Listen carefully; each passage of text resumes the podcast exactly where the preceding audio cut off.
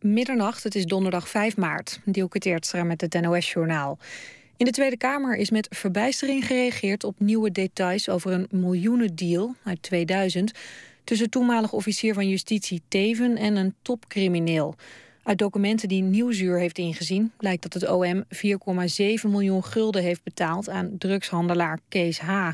Dat was een schikking in een zwartgeldaffaire. De advocaat van H bevestigt het bedrag. Minister Opstelten heeft steeds gezegd dat hij het bedrag niet kende... en dat de documenten onvindbaar zijn. In een reactie herhaalt hij dat. GroenLinks wil nu een parlementair onderzoek... naar de vraag of Opstelten de Tweede Kamer onjuist heeft geïnformeerd. De Amerikaanse minister van Justitie Holder zegt dat de stad Ferguson onmiddellijk de manier waarop de politie te werk gaat structureel moet veranderen. Hij reageert op de uitkomsten van een onderzoek waaruit blijkt dat de politie van Ferguson zwarte Amerikanen stelselmatig discrimineert. Afgelopen zomer schoot een politieagent in Ferguson een ongewapende zwarte tiener dood. Dat leidde tot hevige rellen en protesten in diverse Amerikaanse steden. De advocaten van de man die wordt verdacht van de terreuraanslag bij de Boston Marathon in 2013 heeft op de eerste procesdag gezegd dat haar cliënt schuldig is. De advocaten betoogden ook, zoals verwacht, dat Jahar Tsarnaev handelde onder invloed van zijn broer en mededader Tamerlan. Bij de aanslag kwamen drie mensen om het leven en 262 anderen raakten gewond. Bij een klopjacht op de daders kwam de andere broer om het leven.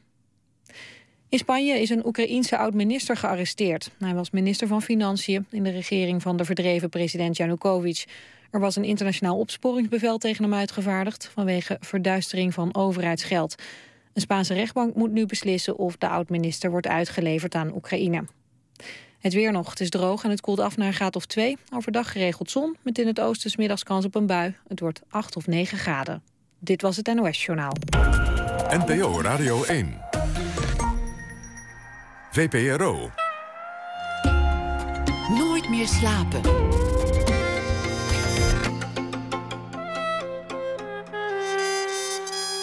Met Pieter van der Wielen.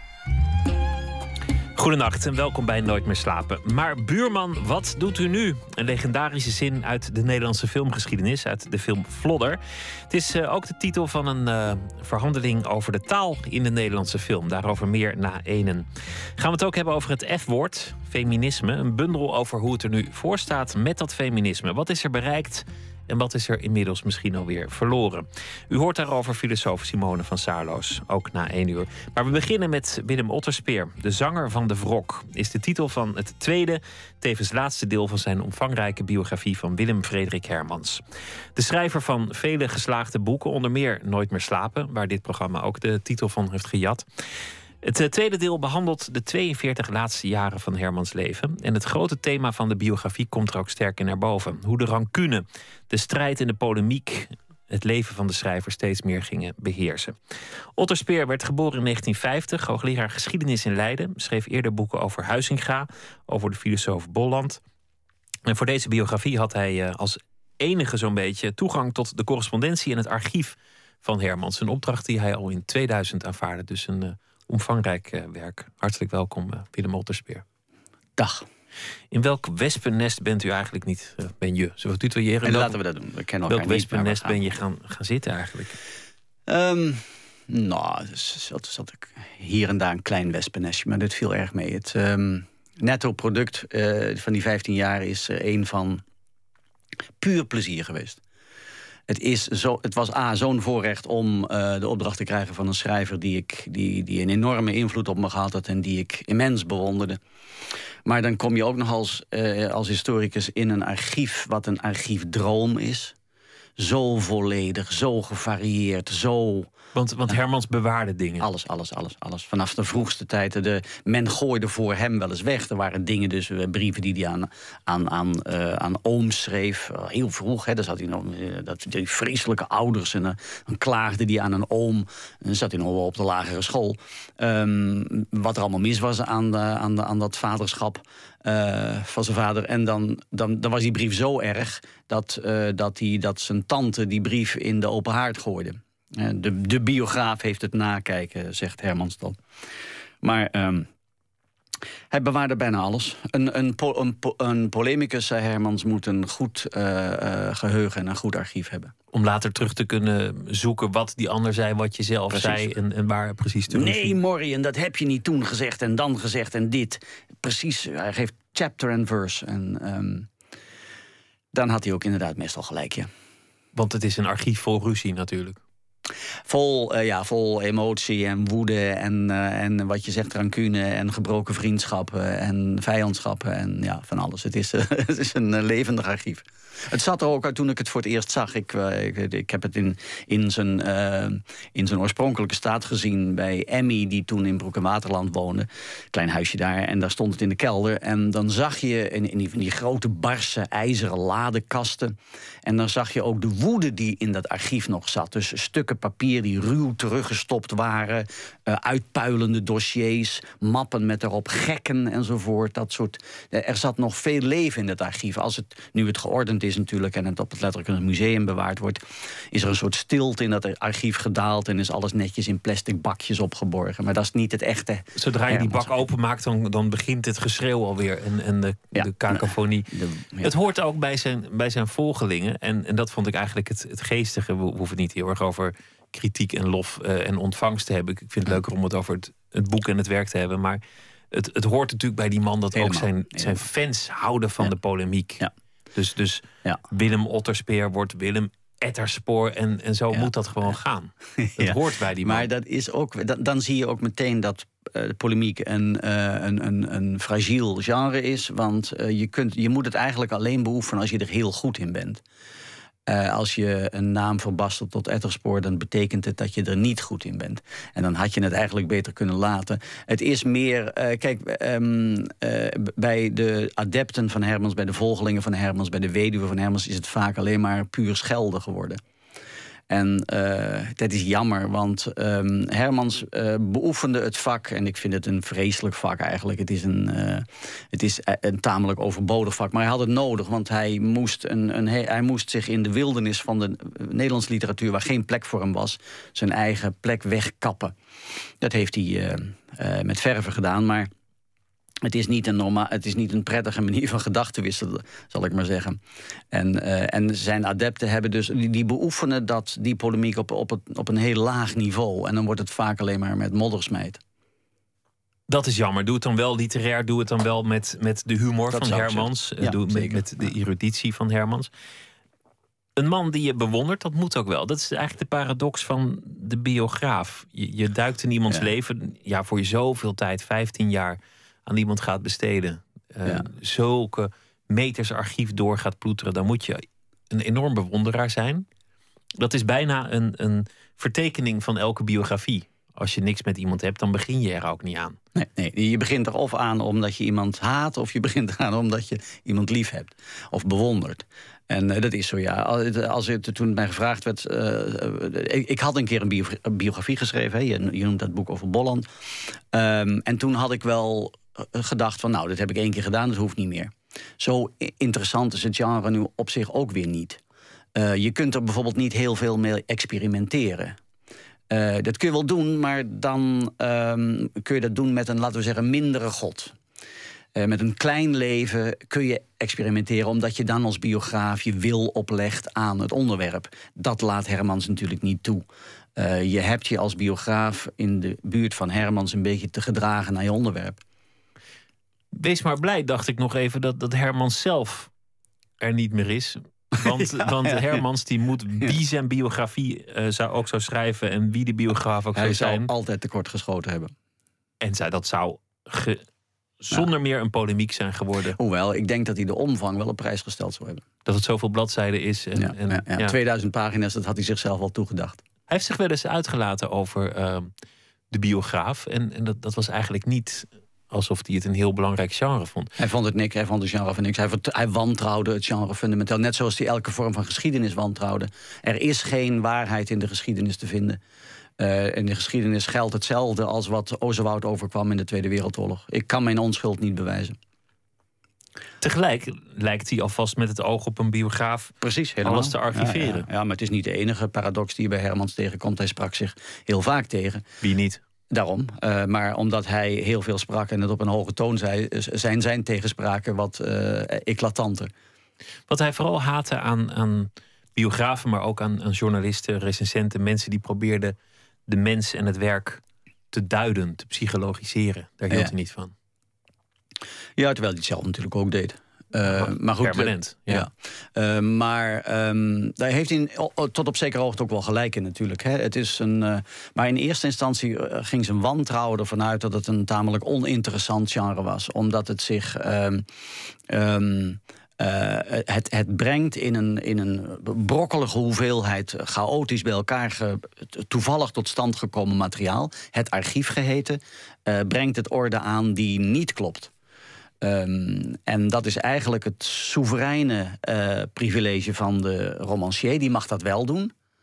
Uh, maar die beschrijft dan ook geen levensechte figuren. Hermans, Want Hermans geloofde niet in orde, hij geloofde nee. niet in een lijn. Hij, hij geloofde in een sadistisch universum zonder reden. In de werkelijkheid. In de werkelijkheid. Niet in zijn romans natuurlijk. En zijn romans moest alles nou juist wel helemaal geordend zijn.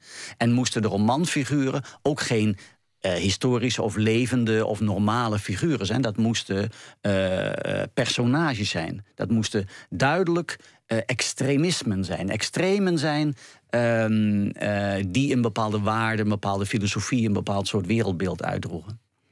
We gaan luisteren naar een fragment van Hermans, want het, het, is altijd een genoegen om naar de man te luisteren. Hij heeft zo'n betoverende stem. Dus uit de, uit de archieven van, ik geloof dat deze van de VPRO-TV is. Um, Hermans over zijn mensbeeld. De vraag wat ben ik, de vraag wat wil ik zijn, de vraag wat ben ik geweest, de vraag uh, wat heb ik gedaan, wat moet ik doen, uh, wat zal ik doen, hoe zal beoordeeld worden wat ik doe. Uh, mensen worden in het oog van anderen gedefinieerd door hun daden en eventueel door wat ze zeggen. Het centrale idee is dat de mensen zichzelf en elkaar onophoudelijk verkeerd beoordelen. Men zal weten dat over de mens niets te bewijzen valt. Dat er van hem in doen en laten, in wezen en verschijning, in heden en verleden... nog geen schim valt te bekennen van wat hij is en is geweest. We zijn niets anders dan de strandvonders van ons eigen leven... brokstukken verzamelend langs de zee der vergetelheid. Al dus uh, Hermans en, de, en daarna de, de voice-over. Ja. Dit is het universum van Hermans. Hè? Uh, Geen reden. Er is geen uh, rechtvaardigheid. Nee. Het is... Maar dat komt omdat hij uitgaat van een bepaalde uh, tamelijk onwaarschijnlijke of irrelevante premisse. Hij gaat ervan uit, het universum van Hermans zit zo in elkaar dat als wij niet alles weten, dan weten we eigenlijk niks. Zoiets als plausibiliteit of common sense of zoiets dergelijks, dat heeft geen plek in de wereld van Hermans. Alleen als je alles, alles, alles weet, in een gesloten systeem alles weet, dan kun je iets beweren dat, dat op een fundament rust. Uh, hij wilde natuurlijk uitkomen bij die chaos. Hij wilde uitkomen bij die onbewijsbaarheid. En begon dus bij een, ja, een tamelijk uh, rare premisse. die voor hem als romancier heel creatief was, heel, heel inspirerend was. Maar die voor een normaal mens niet acceptabel is. Alles is ook altijd gedoemd te mislukken. Het leven is gedoemd erbij, te mislukken, maar ja. elke, elke missie die iemand zal ondernemen is gedoemd te mislukken. En wat ja. hem bijzonder fascineert, is dat mensen eigenlijk altijd langs elkaar heen lullen. Ze ja, zullen elkaar nooit de taal, is, de taal is, is bijna gemaakt om misverstanden te veroorzaken. De hele mens is op aarde gekwakt uh, met, een, met, met zintuigen die niet werken, met een geheugen dat niet werkt, met taal die uh, cha tot chaos leidt. Mensen zullen nooit contact hebben. Mooi uitgangspunt voor, voor een boek. Eigenlijk iets wat in heel veel van die boeken terugkomt. Nog zo'n fragment. Dit is uh, van de VARA-televisie. Een, een zeer geregisseerde uitzending eind jaren 60, als ik het goed heb. En daarin wordt Hermans geïnterviewd over zijn werk. Uh, hoe komt u nu tot deze visie op de mens als slachtoffer? Nou, dat lijkt me niet erg moeilijk. Uh, men ziet zelden iets anders om zich heen. Het, het is zo in de realiteit? Ja, maar nu is de realiteit op zichzelf geen eh, excuus voor wat in een boek beschreven wordt. Maar het is ook bijna het enige mogelijke thema van een roman. Uh, ik geloof dat ieder boek of uh, ieder roman, ieder toneelstuk... dat met de triomf van de hoofdpersoon zou eindigen... dat zou toch een onvoltooide indruk maken. geloof, er is bij geen enkele geschiedenis een ander einde denkbaar dan de ondergang, de dood. Een, een, heroïsche levensvisie is dus volgens u volstrekt onnatuurlijk. Die, die kan eigenlijk niet bestaan. Nee, een, een, heroïsche levensvisie is helemaal niet onnatuurlijk. Maar het, het heroïsche element schuilt juist daarin... dat het toch allemaal tot mislukking gedoemd is.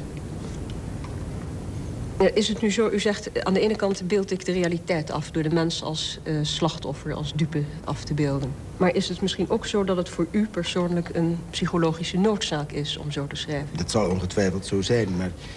Uh, ik geloof niet dat we daar verder op in moeten gaan. Want dat zou een onderwerp van gesprek zijn voor mijn psychiater. Maar ik heb geen psychiater. Ik heb nooit een psychiater gehad. Ik geloof dat... Uh, Heel veel romanschrijvers zijn eigenlijk hun eigen psychiater. Um, goed, laten we aannemen dat het uw uh, wereldbeeld is... dat uh, mensen door het leven of door elkaar te pakken worden genomen. Ja. Is het dan misschien zo dat u de neiging heeft om uw wereldbeeld af en toe een handje te helpen... door op uw beurt uw lezers wel eens te pakken te nemen? Ik neem mijn lezers nooit te pakken. Wat doet u deze zonderlinge vraag stellen?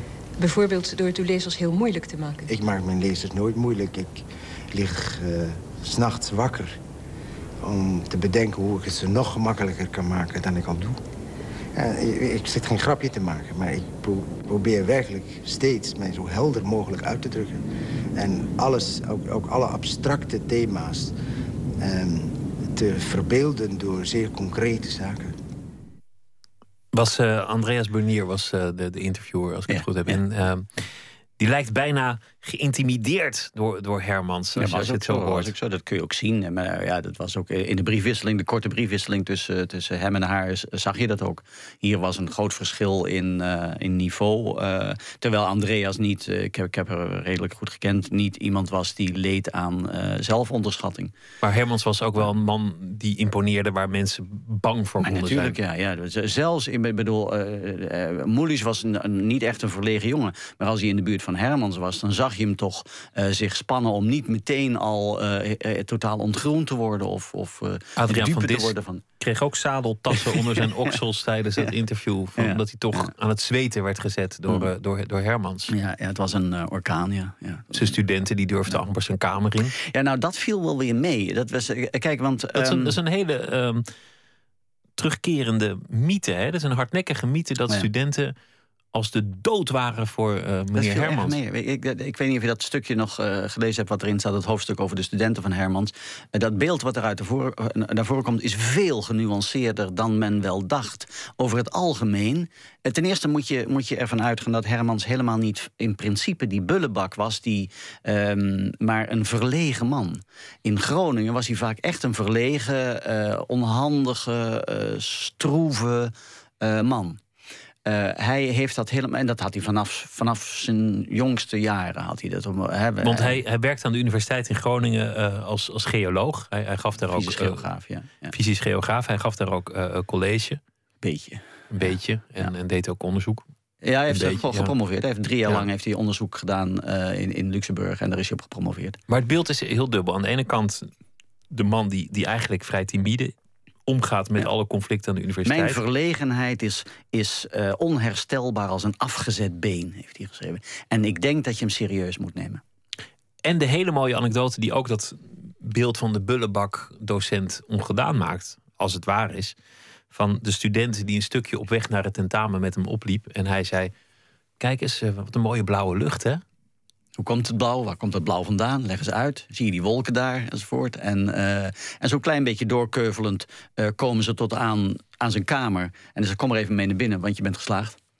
Dat is toch geen bullebak van een docent? Helemaal niet. Nee, nee, nee, nee. En als de mensen bij hem thuis kwamen, dat was ook wel een beetje met de hulp van Emmy, dan werden ze charmant ontvangen, op de beste whiskies getrakteerd. En dan uh, mochten ze niet hun dingetje doen vaak, want dan zei hij van, nu komt Camus op de televisie en dat wil ik zien. En dan gaan jullie met mij kijken en daarna overhoor ik jullie.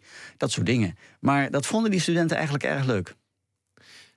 Wellicht is dat ook eh, een beeld dat je van Herman zou kunnen hebben. Achter elke um, cynicus schuilt een romanticus of een idealist. Ja.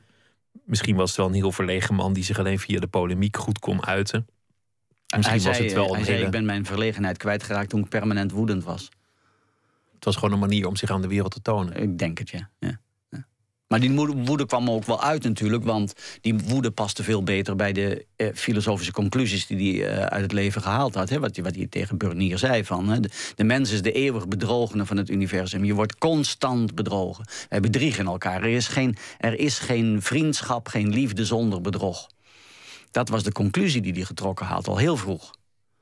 En, uh, en of dat kwam omdat dat jongetje als, als heel jong ventje, als, als, uh, als, als ADHD-jongetje, dat, dat, dat, dat alle inktpotten omver gooide en duizend plannen per dag had en door zijn vader uh, gebruskeerd werd, stilgevloekt werd. Hou je mond enzovoort. Ga naast de tafel staan, geen eten, slaag naar bed enzovoort. Dat soort dingen, dat heeft dat jongetje, ja, dat, dat, dat, dat is een bepaald moment waarschijnlijk naar binnen geslagen. En, uh, en toen heeft hij bedacht, nou dan maken we er maar een, een, een groot oeuvre dat gaat over de mislukking van. Nooit meer slapen. Ik, ik, ik, zou, ja, ik kan niet anders zeggen dan dat het nu mijn favoriete boek is. Als je hier uh, avond aan een onder die, onder die titel op de radio bent. Dat is ook heel duidelijk um, een, een, boek dat past in alle dingen die je zojuist zegt. Een missie die mislukt. De man die gaat ja. uh, op expeditie, maar hij treft alleen maar muggen en slapeloosheid aan. Ja. Hij wordt bedrogen, want als zijn expeditiegenoten blijken dingen te weten die hem verteld hadden die, die blijken, zijn. De, die blijken de, de kaarten te hebben, de, de, de, de, de, de grote landkaarten die hij nodig had om zijn onderzoek te kunnen doen, blijken zij te hebben. En de man heeft een missie die eigenlijk ook niet oprecht is. Hij gaat op zoek naar een meteoriet, maar eigenlijk gaat het om zijn moeder te plezieren, omdat zijn vader nooit geslaagd is in het leven. Ja, en ja. het gaat om andere dingen. Ja, Alles van Hermans komt in dat boek bij elkaar. Ja. Is het daarmee ook een cynisch boek? Nee, dat niet. Het is een boek waar, waar, waarvan je zou kunnen zeggen dat het vol mededogen zit. Juist omdat uh, Hermans heeft wel juist met de, met de, met de, met de, mislukte uh, mensen heeft Hermans een ontzettend groot mede, mededogen. Um, hij heeft twee vormen van medelijden. Dat ene is agressief medelijden. Uh, en, maar maar dat, dat, dat, hij, meestal heeft hij zich daartoe beperkt. Uh, in polemieken enzovoort. Maar ik denk dat er ook nog wel een veel tederder medelijden in hem zit. Met mensen die uh, met, met een onwerkbaar instrumentarium op, op de wereld zijn gezet. Met de verkeerde doelen, met de verkeerde oogmerken, met de verkeerde wensen en verlangens. En die zich dan daar maar doorheen moeten slaan. Uh, en dat projecteerde hij op, op, uh, op, de, op, de, op, de, op de kleine bankwerker, wiens werkbank niet werkte. Maar vooral ook op dieren, op eenzame, kapotte katten enzovoort, waarover hij zich ontfermde. Uh, dus er zat wel een heel groot. hij kon ontzettend sentimenteel ook zijn. Vooral als het over katten ging. Dat Vooral als het over katten ging, ja. ja maar tegelijkertijd zag hij natuurlijk. Er waren ook, twee, ook weer twee van die zeer uiteenlopende beelden. Aan de ene kant had Hermans het idee dat een kat was een mechaniek de, de, de, zijn typemachines waren individueler, zal ik maar zeggen, dan de katten die hij had. De kat heeft geen karakter. Nee, de kat was een moordenaar. Was een, was een, was een, een mechaniek op de wereld gezet om efficiënt te moorden. Daarom trok hij ook zijn nagels in. Domme honden hoorde je van de verte aankomen. Katten niet. Die sloegen meteen toe. En dat bewonderde hij in katten. Maar aan de andere kant, als hij in Rome is, dan loopt hij s'nachts. Bij, bij, bij die Cestius-pyramide lopen altijd honderden uh, echt, echt zeer zielige katten rond. Toen hij daar was, ging hij met, met, met, met, met vleesafval of stukken vis ging hij die katten bijvoeren, midden in de nacht. En, en hij zegt eigenlijk van ja, ik, die, die kat heeft geen karakter, maar heeft een eigen gezicht. Poekie die, die komt mij individueel voor, maar hij doet hetzelfde als alle andere katten die ik heb ja. gehad en alle andere katten die ik ooit zal hebben. Ja. Dus, dus eigenlijk is dat dubbel, dat je je zo ontfermt over, over iets wat je geen karakter toedicht. Ja ja, ja. Maar die dubbelheid zit in alles. Zit in zijn, in zijn verhouding tot, tot, tot, tot de mensen met wie hij omging. Maar zit ook diep in zijn romans. Het is niet voor niks dat Hermans de dubbelfiguur... als de hoofdrol van, al zijn, van vrijwel al zijn romans hanteert. Het is een gespletenheid. Uh, kijk, Hermans heeft gezegd... Uh, mijn romanfiguren zijn gemaskerde uh, onderdelen van mezelf. Gemaskerde figuren van mijzelf. En, en dan zie je dat hij ze steeds uiteenrafelt in, in, in een wanhopige strever en een bruske afkapper. In iemand die heel naïef is en iemand die heel superieur is. In die, iemand die heel positief is en heel negatief. Die twee tegenover elkaar stellen. Dus de, de Satan tegenover Jezus. Dat is precies wat Hermans altijd bedoeld heeft. Hij was een bewonderaar van Camus. Camus die was ook uh, overtuigd van de zinloosheid van het, van het bestaan en, en de redeloosheid. Maar die had als oplossing het absurdisme. Je, je, ja. je draagt die steen naar de top van de berg omdat je dat leuk vindt. Meer ja. is er niet. Of, of je, je schiet iemand dood zonder reden, maar je ziet het licht je cel inkomen en je ervaart dan toch ineens de zin van, van het bestaan. Ja. Terwijl die er duidelijk niet is. Bij Hermans, die, die maakt daar iets anders van. Hij maakt er eigenlijk iets nog tragischer van.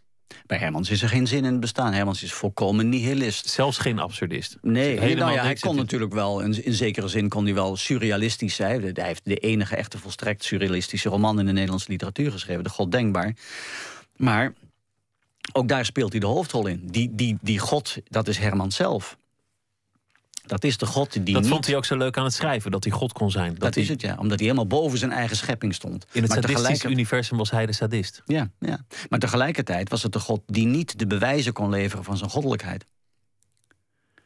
Dus uh, dat is. En Hermans was, uh, had een. Uh, het was een eerlijke auteur. Het was iemand die. Het was iemand die altijd experimenteerde. Met zijn omgeving ook experimenteerde. Altijd röntgenstralen op mensen af uh, zond. En dat ervoeren die mensen in zijn omgeving ook. Maar hij zei, de arts die met die röntgenstralen werkt... is de eerste die er ziek van wordt.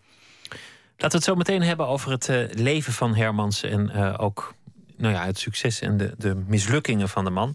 Eerst de Britse zanger Fink, want die is voor een aantal concerten in Nederland. Zijn album heet Hard Believer, van vorig jaar alweer. En het nummer heet Pilgrim.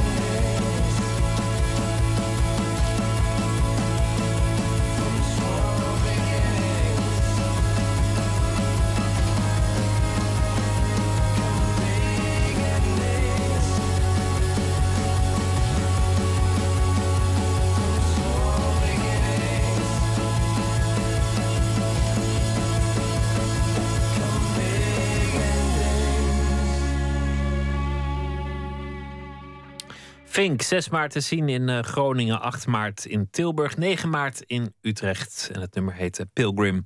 Nooit meer slapen in gesprek met uh, Willem Otterspeer over de zanger van de Wrok, het tweede deel van de biografie over Hermans. Het eerste deel heette De Mislukkingskunstenaar. En eigenlijk is dat dus gewoon één hele dikke biografie over, over de man. Gebaseerd op een, op een zeer uitgebreid archief, correspondentie. Um, ook andere bronnen. Je had ook nog alle mensen kunnen interviewen die nog leven, die, die in zijn buurt zijn veel geïnterviewd hoor. Ik heb er veel geïnterviewd, maar ik, ik ben zo langs... niet, niet zo opgetekend van die zei mij of... of de, ook wel, komt er ook wel in voor, maar niet veel. Uh, ten eerste uh, ben ik beroepsmatig wantrouwend tegen, te, over het menselijk geheugen. en, en de hele forensische literatuur geeft mij daar gelijk in. Ehm, het geheugen is een uitermate pover middel om, je, om, om de werkelijkheid te reconstrueren. En dat merkte ik ook. Dat, ik heb bijvoorbeeld um, een van de heel grappige dingen. Ik heb heel, uh, uh, mensen, Hans Kuiper bijvoorbeeld, die Hermans heel vroeg kende, uit de jaren 50, heb ik geïnterviewd. Die had ooit eens een keer iets over Hermans opgeschreven. Als je iets, over Herm, als je iets opschrijft, dan vervals je meteen je geheugen. Of je legt je geheugen meteen vast. Daarachter kan, achter wat jij geschreven hebt, kan het geheugen niet meer peilen. Um, dus dat geheugen was meteen helemaal in beslag genomen door wat hij zelf geschreven had. Dat heb ik bij meerdere uh, geïnterviewden gemerkt. Die hadden iets geschreven of iets. Dat waren vaste anekdotes geworden, loopjes geworden, die helemaal losgezongen waren van de werkelijkheid. Of maar een heel klein deel van die werkelijkheid representeerden.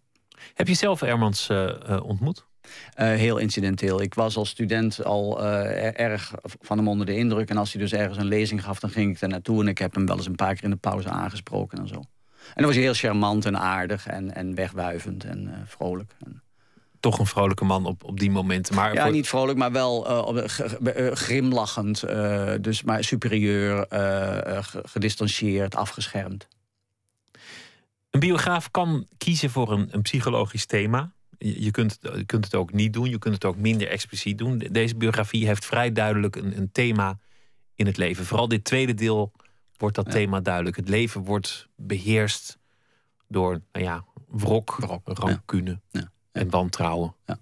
Twee vormen van wrok, twee vormen van rancune. Dus is er, de grote rancune uh, is als je, mm, als, je, dus, als je ook jezelf de schuld geeft. Uh, en dat is die Hermans in hoge mate had. Dat, uh, dat hij, uh, je, je, zit erin, maar je doet het zelf. En, en dat is waarom hij zo, zo loepzuiver zichzelf ook kende. Hij, hij, was zo eerlijk tegenover zichzelf. En dat was hij ook, dat was hij ook wat, wat, wat hij van zijn publiek vereiste. Hermans opvatting van de roman was... je, schrijft, je neemt iemand een, een mee op een boottochtje... en aan het eind geef je hem een klap voor zijn kop. Um, wat Hermans wilde was ontmaskeren.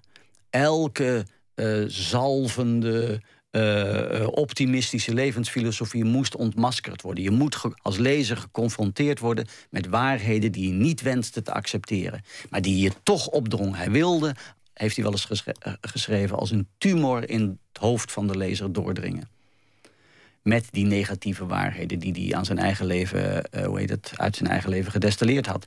Dat hoeft iemand natuurlijk niet meteen ook uh, in, in, zijn eigen bestaan een, een, negatief persoon te maken. Het kan natuurlijk zijn dat je, heb je gelijk. Ja. enorm plezier hebt in het, in het opschrijven van wrange waarheden of, of van, van, van zwartgallige grappen. Of, of dat je gewoon ja, ja, opveert bij, bij een polemische brief. Dick Lenius uh, heeft wel eens gezegd: Ik zie het heel somber in, maar ik sta elke ochtend heel vrolijk op. Maar dat deed Hermans niet. Die stond niet vrolijk op. Nee, nee, nee, nee. Hermans was een enorme, sombere tobber. Een, een, een vreselijke broeder. Een, een diepe melancholie kon hij erop namen. Hij, hij kende de euforie ook wel hoor de euforie van de woede of de, of, of, of de, de, de schaterende lach, dat, dat had hij wel. En hij kon ook wel dingen bewonderen. Hij kon erg goed bewonderen, maar hij kon ook wel een, een zeker soort uh, laten we zeggen, deelbaar genot had hij wel. Als, als hij een, vulkaan beklom, eh, zoals in Indonesië. Hij heeft erg veel gereisd, maar vulkanen hadden zijn grote voorkeur. Wat toch ook een soort autobiografisch iets is. Um, maar dan hadden ze hem op een bepaald moment in Indonesië meegenomen aan het eind van de nacht. Als de zon opkwam, als jij aan de top van de vulkaan was. En dan, dan zie je die eerste zonnestralen daar bang in je gezicht slaan. En dan riep hij uit. En dat is geweldig. Maar het is ook een gepassioneerde man. Ook, Ja, zeker, zeker, wist ja. ik niet, las ik in, in dit boek. Racewagens. Enorm eh, een, een autoliefhebber. Hij Oh, Ja. was, eh, het scheurijzer Ja, was hem heilig. Ja, maar dan ook weer met die, eh, met die kenmerkende, met dat kenmerkende proviso. Was ook bang voor auto's. Omdat ze je kunnen doden in, in één oogopslag. Dat is het. En hij heeft veel meer ongelukken veroorzaakt dan statistisch verklaarbaar is. Hij is met bijna al zijn auto's, is hij, eh, die heeft hij aan, in puin gereden. Was dan een roekeloze chauffeur? Of, of paste nee, die een onhandige chauffeur. Oké. En, eh, had ook pech natuurlijk, zoals, hem, zoals bij hem past. Dus de, die, die, die, dat eerste prachtige scheurijzer, is de mooiste auto die hij had, de Healy. Ja, daar- hij, reed een, hij wilde een, een bananenauto inhalen en die ging opeens linksaf. Of, of op de linkerkant van de weg zitten. Dus toen, toen moest hij uitwijken.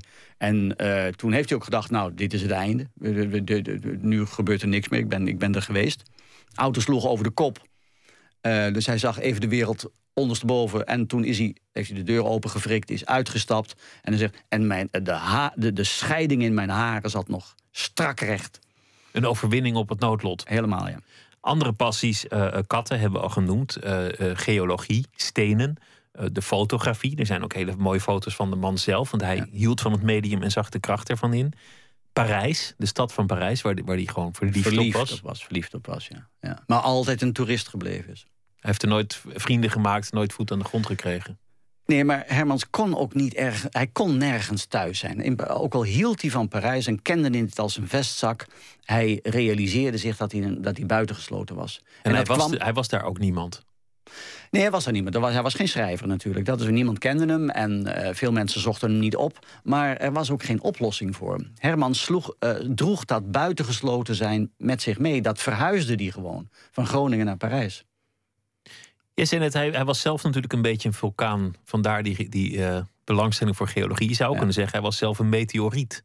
Geland Ja, op aarde. ja, ik ben er niet opgekomen, maar het is een hele goede metafoor. Ja, zeker. Ja. Ja, hij, zou- hij, hij zou zelf het bewijs kunnen zijn van de theorie die, eh, die, die, die, ehm, die eh, Alfred zoekt in Nooit meer slapen. Ja. Is een dorp zoekt die meteoriet en Ja. het was eigenlijk Hermans. Ja. Maar hij was vooral geïnteresseerd in, eh, in geologie, omdat dat op enorm lange termijn zijn individuele levensfilosofie bewees. Namelijk alles. De grootste vulkanen worden tot gruis afgevlakt. En van die enorme eh, eh, eh, gebergten blijft niets anders over dan een, een kleine schiervlakte. In Parijs was hij naar eigen zeggen heel erg gelukkig. Dat waren, hij is er gaan wonen uiteindelijk op, op iets latere leeftijd. Ja. Eh, ehm, hij heeft er op meerdere adressen ehm, gewoond. Hij kankerde wat af op die stad, op de stakingen. Er is een keer ingebroken. Er, wa- er was van alles mis. eh, de, de bureaucratie. Er is een moordaanslag op hem gepleegd. Daar, wil ik het straks nog iets uitgebreider eh, over hebben. Tegelijk zegt hij achteraf: ja, dit waren de gelukkigste jaren van mijn leven. Ja, ja natuurlijk. En hij, maar ja, dat zat, had hij ook van Brussel kunnen zeggen. Want Brussel, hij heeft- ik heb het lekkerste voor het laatste bewaard. Brussel was hij dol op. Eh, maar hij was heel angstig in Parijs. Hij, hij, eh, en die angst had verschillende eh, achtergronden. Kijk, eh, Hermans was er zijn een aantal dingen die je steeds in gedachten moet houden... omdat je ze niet met Hermans associeert. Dus we hebben het net over die verlegenheid gehad. Ik ben, ik ben verlegen. Hermans heeft ook geschreven... ik ben geboren in het vruchtwater van de angst. Hij was een diep angstig mens. En hij heeft op een bepaald moment, in tegenstelling tot zijn zuster... die, die, zoals je weet, zelfmoord gepleegd heeft aan het begin van de oorlog... die die angst nooit heeft, dezelfde angst had... maar die nooit heeft kunnen overmeesteren... heeft hij zijn angst overmeesterd door agressie. Heeft die angst omgezet als een dier dat in, dat, dat, dat in een hoek gemanoeuvreerd is... en dat omzet in agressie. Ehm, maar eh, een van de dingen dus die, die, die je bij Hermans au serieus moet nemen... is die angst. En die angst kwam in alle vormen terug in Parijs. Er zou altijd een revolutie uitbreken. Er zou, eh, de, de markt zou instorten. De bezige bij zou failliet gaan. Hij zou failliet gaan enzovoort. Hij heeft permanent in die angst geleefd. En toch daar heel, heel gelukkig zijn. Die zus die zelfmoord eh, pleegde. Er is ook wel gezegd soms, was het wel zelfmoord? Wie heeft nou eigenlijk het schot gelost? Want het Ja, maar dat is niet een relevante vraag. Eh, natuurlijk was het haar minnaar, Pieter Blind, die het schot gelost heeft. Want van hem was het pistool en hij kon het bedienen. Uh, maar het was evident dat het een, een amour fou was in het begin van de oorlog. Van twee mensen die dodelijk angstig waren en het niet wensten mee te maken. En, uh, en die hebben dus een afspraak gemaakt. Die zijn naar de zuidelijke wandelweg gegaan. Daar heeft hij haar doodgeschoten en daarna zichzelf doodgeschoten. Maar de vraag is, van wie ging het initiatief uit? Dat is de vraag die je moet stellen. Ze hebben gewoon gezegd, we, stappen eruit, we doen het samen, we houden van elkaar en dit willen we niet meemaken. Jawel, maar wie, van wie ging het initiatief uit? En dat is niet uitgegaan van die Pieter Blind, dat is uitgegaan van Corrie Hermans. En de beste getuige was daarvan Hermans zelf. De meest nabije getuigen, dat zijn niet politierapporten... of dat zijn niet uh, uh, de, de, herinneringen van kleinkinderen of zoiets dergelijks. Dat is Hermans die zegt, ik weet zeker dat van Corrie het initiatief uitging. Welke invloed heeft dat gehad op Hermans? In... Oh, dat is, dat, is, uh, dat is de. Kijk, als, her, als biograaf loop je altijd het gevaar om uh, te veel orde aan te brengen in een leven. En te zeggen, daar ging het mis, daar werd precies, die schrijver. Dit is de, precies, daar werd het een wrange man. Ja, dat, dat, kun je natuurlijk niet bepalen. Dat kan je niet bepalen. Je doet het toch. Je bent toch het slachtoffer van die mal van de, biograf, van de biografie. Uh, dat, dat, is, dat is ook logisch, omdat je brengt natuurlijk ook een bepaalde spanningsboog aan aan zo'n boek. Een, een biografie is ook een boek om te lezen. Uh, en, uh, en, en, uh, maar ik ben ervan overtuigd dat de zelfmoord van zijn zuster de grote césuur in zijn leven geweest is. In welke zin? In dat, dat hij is gaan geloven in het mislukken, in, in de zinloosheid van het universum? Op dat niveau of meer nee, emotioneel? Dat, ik denk dat. Um, ik denk dat de dubbelfiguur geboren is in die, in die, in die zelfmoord. Hij heeft uh, als je de, de, de, de, fotobiografie, dat autobiografische fotoboek dat hij samengesteld heeft, en dat eindigt bij de zelfmoord van zijn zuster, als je dat leest, dan, dan zegt hij: Ik haatte mijn zuster. En die haat is een beetje verklaarbaar, omdat hij altijd met haar in concurrentie was. En zij hem ook aan haar ouders wel verklikte enzovoort. Al dat soort dingen. Ik haatte mijn zuster. Maar met evenveel recht en onverzwegen, maar brullend van, uh, van, van, van, van, onverzwegenheid bijna, roept hij ook: Ik hield van mijn zuster. En die liefde, die kun je als je bijvoorbeeld. Enfin, uh, uh, ik heb altijd gelijk. Dat begint met, met die soldaat die gerepatrieerd wordt uit Indië. En die zegt, als hij aan wal komt daar in Amsterdam, er was eigenlijk maar één iemand die mij had op mogen wachten. En dat is zijn zuster. Deborah is in, in Ik heb altijd gelijk, is één op één Corrie. En hij beschrijft hij die, die, die zelfmoord van Corrie. En dan zie je aan het eind van de. En dan, dan gebruikt hij een stand-in voor deze zuster. Die noemt hij Ria. Die is niet voor niks verpleegster. Um, en die, uh, die kleedt hij aan en mal, die, die, die heeft hij lief en die maltreteert hij. En aan het eind, dan komt. Dan zegt hij. Dit is heel briljant wat hij dan doet. Dan laat hij Ria de hoek omgaan. Dan laat hij Ria doodgaan en dan komt Deborah terug. En dan houdt hij een hele liefdevolle uh, peroratie tegen die zuster. Die dode zuster, die nooit uh, de tijd genomen heeft om hem te leren liefhebben. Uh, en het is ook toch... verraad, want hij, het is een man is die ja, zeker. enorm bang is om, om belazerd te worden, om bedonderd te worden. En, en dit is natuurlijk een manier om iemand dat te bedonderen. Verraad, dat zei dat, precies dat woord gebruikt hij. Ja. Er vindt ook een moordaanslag op hemzelf plaats. Hij zit daar in Parijs, de stad waar hij zo van houdt, samen met zijn vrouw. En, en ja, hij is niet op zijn gemak. Hij ligt er een klein beetje uit in Nederland. Hij heeft, hij heeft ruzie met. Een klein beetje. hij heeft ruzie met, met wie hij maar op zijn pad is tegengekomen. Ja. Hij, hij, heeft een enorme haat naar links. In die tijd eh, was links ook erg gelijkhebberig. En dat uh, heeft Hermans ook zeker geweten. En, en opgewekt ook. Hij, heeft, hij heeft die confrontatie ook gezocht. En dan komt er een, een verwarde man ineens in Parijs opgedoken die Hermans wil vermoorden. Een literaire moord in Nederland. Ja, ja. Uh, hadden we nog niet gehad. Nee. En daarna volgens mij ook niet meer, voor zover ik weet. Nee, nee, nee. Het, is een, um, het is een man die, uh, de Daniel Bonne, die uh, heftig paranoïd was, aan achtervolgingsbaan leidde. En ervan overtuigd was dat Hermans erop uit was om zijn leven te laten mislukken. En die wraak kwam nemen. Dus die, die vatte het persoonlijk op? Helemaal. Ja, maar die had ook waandenkbeelden. Hè. Er was de, de, de, Herman zou hem steeds opbellen. En, uh, en, en dingen doen mislukken. Dus als hij ergens een artikel inleverde... dan zorgde Hermans dat het niet geplaatst werd enzovoort. Dat soort dingen. Had het, het iets met elkaar te maken? Het, het eruit liggen in Nederland en een een gek met waanideeën die hem komt opzoeken? Ja, nou ja, ik heb, ik heb daarover eh, iets opgeschreven waarvan ook wel gezegd is dat ik dan heel erg zweverig word. Ik geloof niet dat ik zweverig word, maar ik denk dat er was zoveel stennis gemaakt over Herman, zoveel commotie. Hij was persona non grata verklaard in Amsterdam. Uh, heel links Nederland was tegen hem. En dan kun je zeggen, dat kun je verklaren, dat heeft hij voor een deel zelf veroorzaakt. Maar het was wel, men was tegen hem.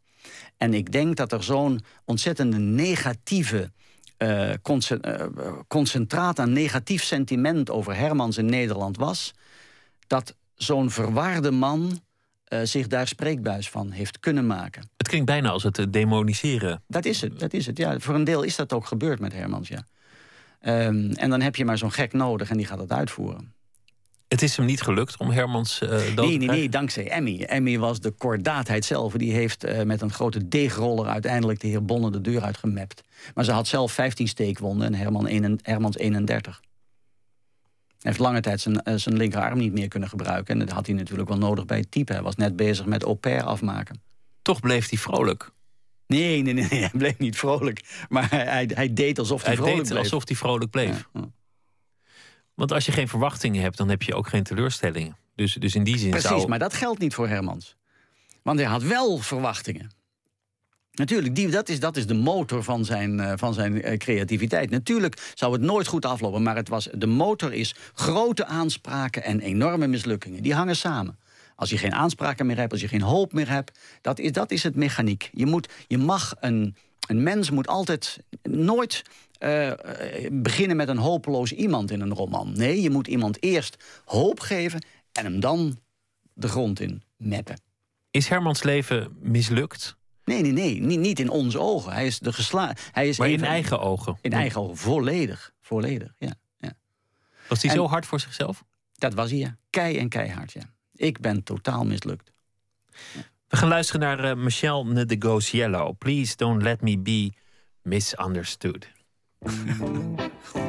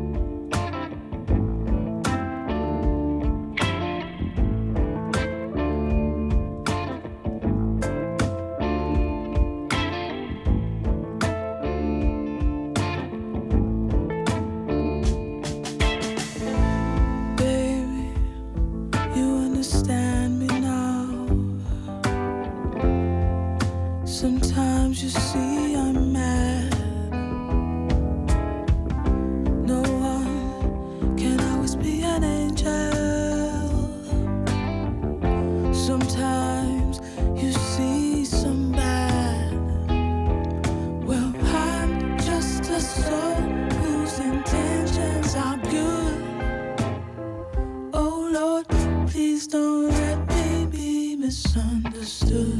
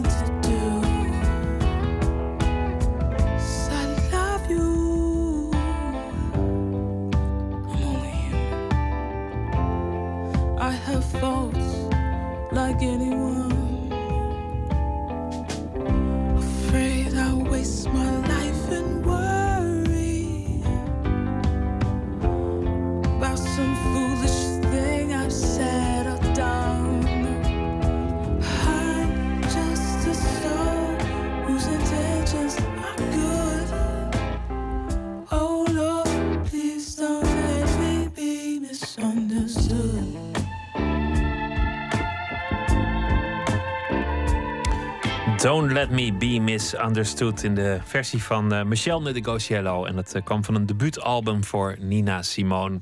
Willem Otterspeer over uh, Willem Frederik Hermans. Hermans was in eigen ogen mislukt. Tegelijk zit ook daar weer een, een, paradox in, omdat Hermans um, eigenlijk de mens maar ijdel vindt. Want hij, hij houdt natuurlijk van de geologische tijdschalen, de miljoenen jaren, de, zeker, zeker, de, de, de, de, tienduizenden jaren. Hoe lang is de mens nou helemaal op aarde? En dat je dan denkt dat je als individu iets uitmaakt. Dus, 10.000 dus jaar zo'n beetje, dat, daar moeten we het mee doen. En dan verdwijnt de mensheid weer. En dan is een mensenleven, nou ja, dat is... Een uh, flits, een, een gespleten seconde. Dat realiseerde die zich. Dus, dus waarom dan toch zoveel verwachtingen en toch zo streng over je eigen bestaan? Uh, omdat hij uh, een uitzondering was. Hij was de enige uitzondering op aarde. Hij, um, hij, je, je kunt je de ambitie van Hermans niet groot genoeg, niet hoog genoeg voorstellen. Um, en, en dat was het mechaniek dus. Uh, zo torenhoge eisen aan het leven stellen dat het wel moest mislukken. Omdat hij er inderdaad van uitging. En terecht ook natuurlijk. Uiteindelijk is het zo dat natuurlijk ja, de, de, een menselijk leven eindigt met de dood. En het menselijk bestaan eindigt met, met het weggevaagd worden van het aardse bestaan. Van de aarde. Um, dat, dat is dus een, een negatief einde. En het stelt niets voor. Het is tamelijk zinloos als je vanaf die hoogte ernaar kijkt. Um, maar Hermans eiste dat hij de uitzondering zijn, zou zijn. Wellicht de enige uitzondering, maar toch de uitzondering. Dat moet ook haast wel. Want als je, als je in het volle besef van die zinloosheid tracht te leven, dan, dan zul je ook geen boeken meer maken. Helemaal zul je ook niet je bed uitkomen. dan, dan, uh, ja. dan slenter je zelfs niet door de straten van, van Parijs. Ja. Ben je hem aardig blijven vinden of gaan vinden? Want nee, na, na 15 jaar in dat archief? Ik, ik, ben, um, ik ben nog meer bewondering voor zijn romans gekregen. Uh, ik heb nog meer bewondering voor de opvatting van zijn schrijverschap gekregen. Het totale schrijven. Een schrijver is niet iemand met een sociaal leven, is niet iemand die getrouwd is, is niet iemand die een baantje heeft. Het gaat alleen maar over het schrijven. Um, maar als persoon op termijn, uh, als hij die kwetsbaarheid uh, helemaal in de koelkast gezet heeft, uh, of voor zich privé weet te houden, als je toch voornamelijk te maken krijgt met die, met die egotistische man om wie alles heen moet draaien, die, uh, die constant machtsspelletjes speelt en mensen naar zijn hand wil zetten en uh, mensen wil overdonderen of. of, of, of of wat is het, uit de weg wil ruimen. Uh, dat is geen, um, ge geen uh, prettige manier om, in je, manier om in je buurt te hebben. Maar ja, hij was aan het overleven. Hij stond met zijn rug tegen de muur. Ja, nee, natuurlijk. Dat, je, je begrijpt hem wel van een afstand. Wie, uh, mensen die ik niet begrijp zijn zijn vrienden. Hermans heeft, heeft altijd gezegd: Ik heb geen vrienden. Toch is hij erin geslaagd om mensen in die illusie te laten althans korte tijd in de illusie te laten, want bijna alle vriendschappen zijn gestrand. Herman zei: de vriendschap is de plek waar de literatuur de politiek snijdt. Ik ben alleen vrienden die het volledig 100% met mij eens zijn. Zijn vrouw is wel altijd aan zijn zijde gebleven. Ondanks dat ze wist dat, dat ze misschien niet altijd de enige was. Ondanks dat hij nou ja, in de eerste jaren van, van het kind zich met andere dingen bezig hield. Daar helemaal zich niet zo enorm over ontfermde. Ondanks dat hij in het huishouden de beslissingen nam? Alles, alles, ja. ja, ja nee. Maar um, Emmy was een uh, wonder van, van tact, van vrolijkheid, van slimheid, van souplesse. Die heeft niet alleen letterlijk, maar waarschijnlijk ook in een bredere zin zijn leven gered. Zeer, zeer, zeer. Ja. Die heeft ervoor gezorgd dat er nog eens wat mensen kwamen of dat er nog iets gerelativeerd werd enzovoort. Ze heeft het niet makkelijk gehad. Ze, is, heeft een zeer eenzaam leven gehad in menig opzicht. Maar ze was de charme zelf en, en de, en de levens vreugde. En um, het, ja, nee, hij heeft daar erg veel geluk aan gehad. hoewel ik ervan overtuigd ben dat hij nooit helemaal goed door heeft gehad wat voor een parel die had. Nou is het uh, niet noodzakelijk voor een kunstenaar om gelukkig te zijn als het maar uh, hele mooie dingen oplevert. Dat, Natuurlijk, ja, dat was het mechaniek. Flaubert heeft wel eens het genieten van literatuur vergeleken met foie gras. Er is enorm voor geleden als het maar uh, ja, voor ons genot is. Ja, nou, dat kan je van Herman zeggen hoor. Dat is erg veel voor geleden. Er is voor geleden en het, is, het zijn mooie boeken uh, geworden uiteindelijk. Wat is uiteindelijk die, die plek in de Nederlandse literatuurgeschiedenis? Want, want het is al bijzonder dat je na je dood nog gelezen wordt. Laat, laten we eerlijk zijn, literatuur is enorm vluchtig. Nee, zeker, zeker, zeker. Je ziet het, dat is groter. Ik weet niet wie er nu nog Reven leest. Een zekere, zeer nou, sterk zijn, vergrijzende uh, Er zijn verenigingen voor. Maar... Er zijn verenigingen, precies. Ja. Nou ja, daar heb je het erover. Dat, dat, zijn dus, dat is geen goed teken als je het moet, uh, uh, op kleinschalige verenigingen moet, moet laten rusten. Nee, Hermans heeft nog steeds... Um, dat, dat, dat, kun je zien ook aan de receptie van dit boek. Hè, met, met al die vijanden die ik erbij gekregen heb. Gratis en voor niks. Dat is allemaal Hermans. Dat leeft nog. Ieder wil zijn eigen Hermansbeeld uh, in een biografie omgezet zien. Daar heb ik natuurlijk niet aan kunnen beantwoorden. Dus krijg je dit. Maar hij leeft echt. En uh, het, ik aarzel, ik denk niet dat, dat, dat er zo makkelijk een eind aan zal komen. Uh, ik denk dat Hermans een van de weinige auteurs is die meteen klassiek is geworden na zijn dood. En die dat lange tijd zal blijven. Die rancune, heb je bij jezelf het talent ontdekt voor rancune? Als, als je jezelf, dat kan niet anders dat je je als, als biograaf ook gaat spiegelen aan je Nee, maar iedereen heeft rancune. Ik bedoel, ik denk dat hij daar volledig gelijk in heeft. Hij heeft een kleine rancune, als, het, als hij een beetje geluk heeft... ook een grote rancune die hij om kan zetten in, in creativiteit. Maar nee, er is, uh, Hermans heeft daar voorkomen... Paranoia is, is van ons allemaal. Dus hij heeft een aantal uh, uh, psychologische factoren in de mens aangewezen... Die, die, die, die, die permanent zijn en voor iedereen gelden. Maar ook, um, als, ook als een soort val waar je in kunt Precies, ja, dat is het. Want het is een gif... Uh, als ik een. Uh, ik, ik, ik, ik, denk dat ik een, nog ooit een klein boekje, zoals over een groot boek, het maakt niet uit wat de omvang ervan is, maar uh, dat, en dat zal over mezelf gaan. En dat heet De Ontgifting. Want Hermans is een, uh, is een erfenis die je onder beneficie moet aanvaarden. Je moet hem tot op zekere hoogte buiten de deur weten te houden. Het is, hij, hij die, die, rancune moet je herkennen, anders kun je niet over Herman schrijven. Je moet een deel van zijn wereldbeeld moet je accepteren en kunnen doorvoelen. Aan de andere kant moet je er ook uh, voor om je eigen geestelijke gezondheid afstand van nemen. Wat is je favoriete boek van, van Hermans? Is dat, is dat voor een biograaf nog te bepalen? Want je hebt het hele oeuvre gelezen. Is er nu... Ja.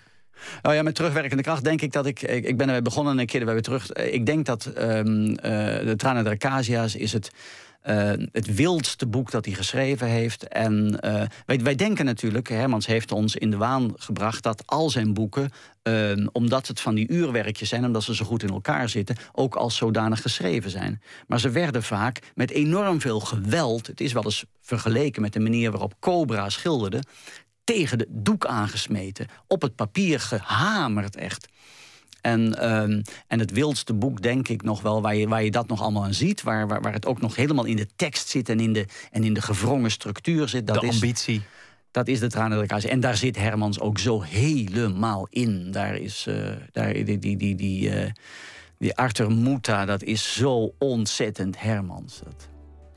Dank, Willem Otterspeer, over uh, de tweedelige biografie... De mislukkingskunstenaar en de zanger van de wrok... over Willem Frederik Hermans. Dankjewel.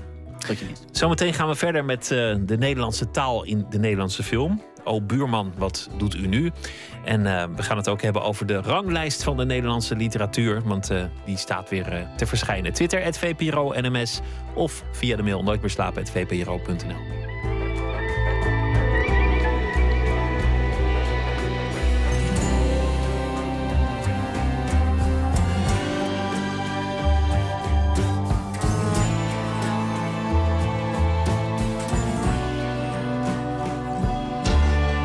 Radio 1.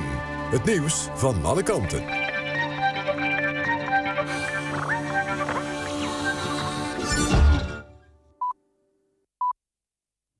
Het is 1 uur, die eerst met het NOS-journaal.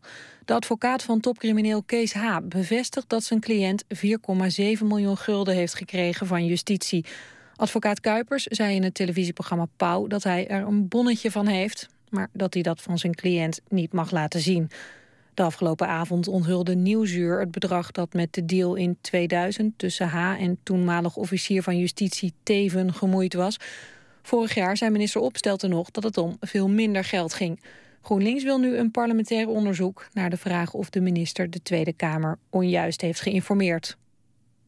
De Amerikaanse ambassadeur in Zuid-Korea is gewond geraakt toen hij bij een lezing werd aangevallen met een scheermes. Hoe hij er precies aan toe is, is niet bekend. Op foto's is te zien dat zijn hand onder het bloed zit en dat hij mogelijk een hoofdwond heeft. De ambassadeur is naar het ziekenhuis in Seoul gebracht. De man die het op hem had gemunt is opgepakt. Over zijn identiteit en zijn motief is nog niets bekend. World Press Photo trekt een omstreden prijs voor de Italiaanse fotograaf Giovanni Troilo toch in. Troilo kreeg de prijs voor een serie over de Belgische stad Charleroi, maar volgens de burgemeester van Charleroi bevat de serie geanceneerde foto's die nadelig zijn voor de stad. World Press Photo ging er in eerste instantie niet op in, maar zegt nu nieuwe informatie te hebben, waaruit blijkt dat een van de foto's helemaal niet in Charleroi is gemaakt. En daarmee heeft de fotograaf de regels overtreden en dus moet hij zijn prijs inleveren. De afgelopen dag is het onduidelijk gebleven hoeveel mijnwerkers er zijn omgekomen bij een explosie van methaangas in een kolenmijn in de buurt van Donetsk. De autoriteiten spreken van zeker 17 doden en 15 gewonden. Persbureau Interfax meldt dat alle 33 mijnwerkers zijn omgekomen. Het weer nog, het is droog en het koelt af naar een graad of 2. Overdag geregeld zon, met in het oosten middags kans op een bui. Het wordt 8 of 9 graden. Dit was het NOS Journaal. NPO Radio 1. VPRO. Nooit meer slapen.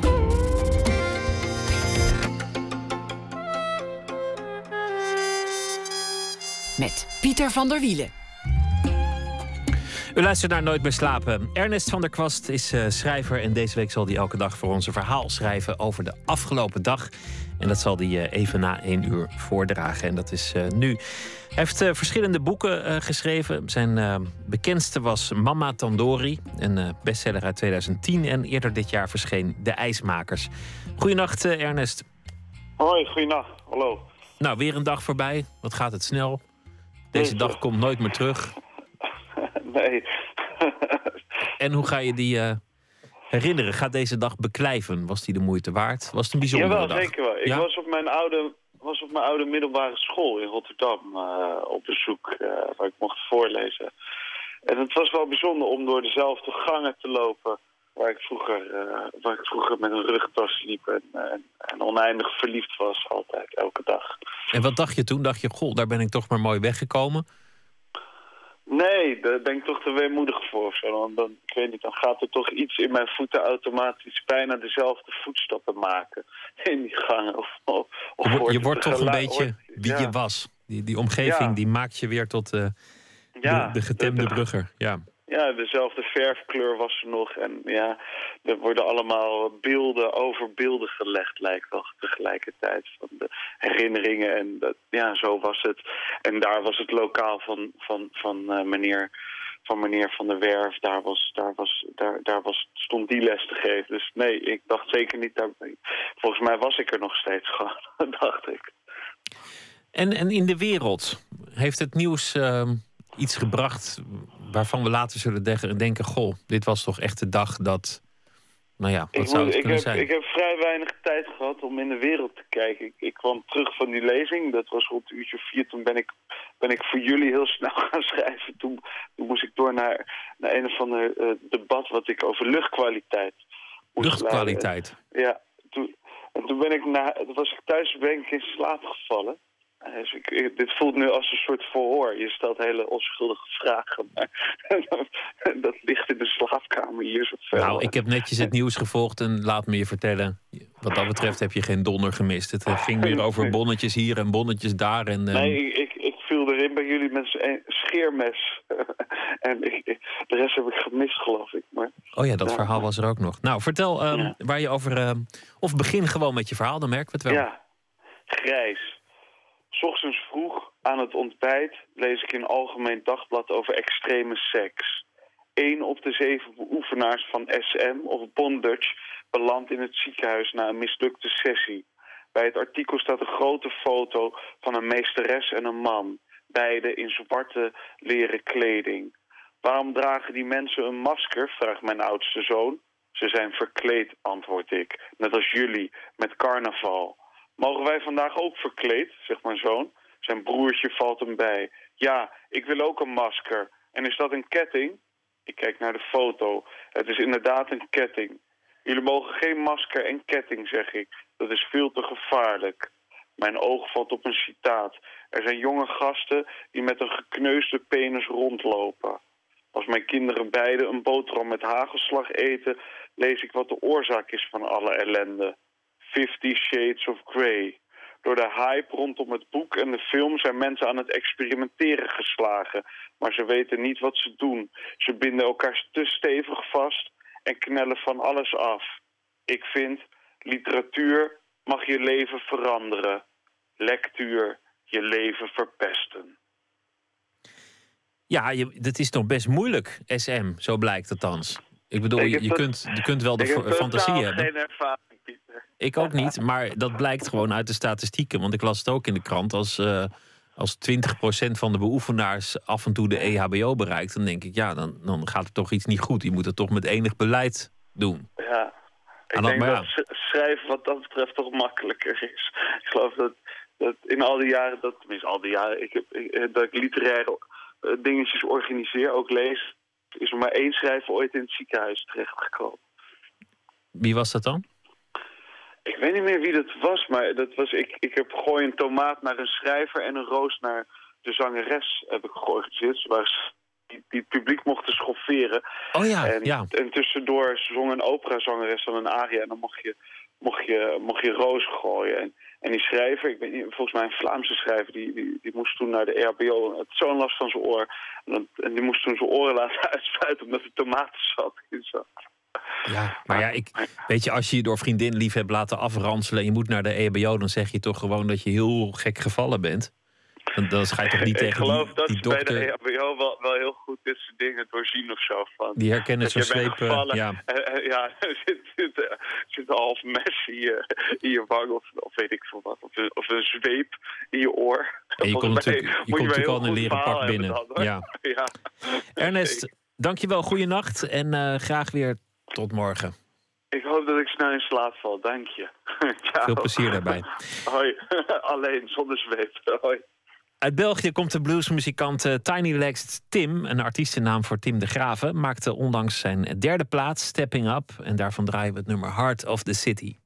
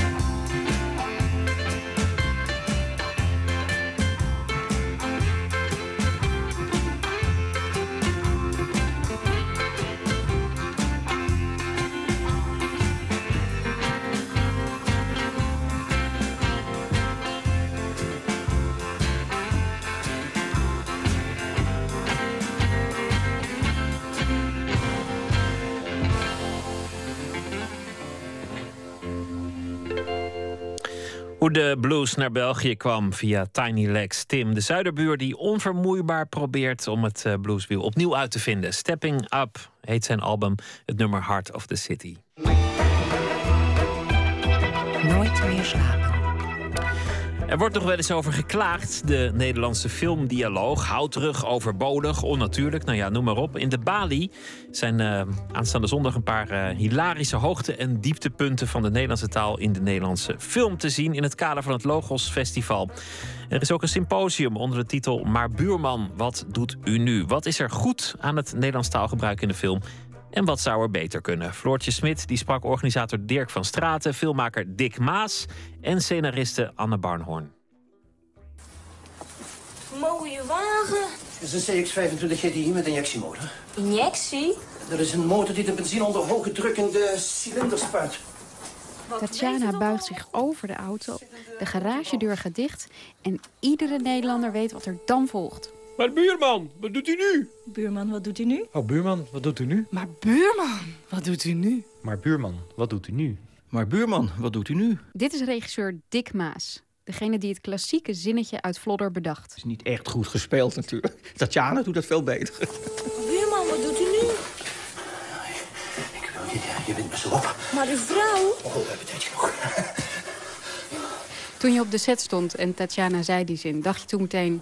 ja, dit wordt een klassieker? Nee, helemaal niet. Nee, dit was, eh, god, dit was een, een van de scènetjes die, eh, die we snel moesten opnemen. En eh, allemaal hadden vreselijk veel haast met alles. Dus, dus daar stond ik helemaal niet bij stil natuurlijk. Het, rare is dat... ik heb voor Vlodder heb ik een, een heleboel zinnetjes bedacht. en dan voornamelijk voor Ma-Vlodder. Waarvan ik dacht van nou, die, dat, dat, dat vroeg wat toe aan de Nederlandse taal. Zoals dingen als eh, wat heb ik nou in mijn pap. En eh, dat zijn geen stinkende sokken. En het blijft je zoon. En toen dacht ik van nou ja, dat is iets aparts, weet je. Maar dat had ik eigenlijk niet bij dat zinnetje buurman, wat doet u nu? Dat dacht ik van ja, dat is een, vrij normaal zinnetje. Het is denk ik, komt meer door de context waarin het dan... eh, hoe je het dan tot je krijgt als publiek... dat het opeens iets aparts krijgt. Het contrast eigenlijk met wat er gebeurt... en die gespeelde naïviteit van haar. Ja, zo gaat het met dialoog in de Nederlandse speelfilms. Leg je daar als scenarist je ziel en zaligheid in, onthouden mensen net altijd de verkeerde dingen. Vraag ze naar hoogtepunten en ze komen met one-liners als deze. Of deze. Houdt u er nooit op? Of deze. Mijn vader zei altijd: het leven is net een koket. Als je weet wat erin zit, dan lust je hem niet meer. Of deze. Goed heilig man, me ho! Maar de Nederlandse filmtaal is natuurlijk veel meer. En dat weet ook Dirk van Straten, die in de Bali de O buurman, wat doet u nou avond organiseert. Mijn programma gaat over taal in Nederlandse film. En we gaan een kolderieke, kolderieke tocht maken door de eh, Nederlandse filmgeschiedenis aan de hand van taal. We gaan allerlei fragmenten van dialogen laten zien, of hele dialogen. Fragmenten uit films. Eh, en op die manier van de jaren 35, begin jaren, midden jaren 30 naar nu. En daarin zien we allerlei eh, eh, veranderingen in de Nederlandse taal en ook in de Nederlandse films. Je gebruikt dat zinnetje eigenlijk een beetje als, als een lokkertje om mensen naar binnen te halen, of niet? Ja, dat, dat is precies wat het moet doen. Maar is helemaal slap. Verrek.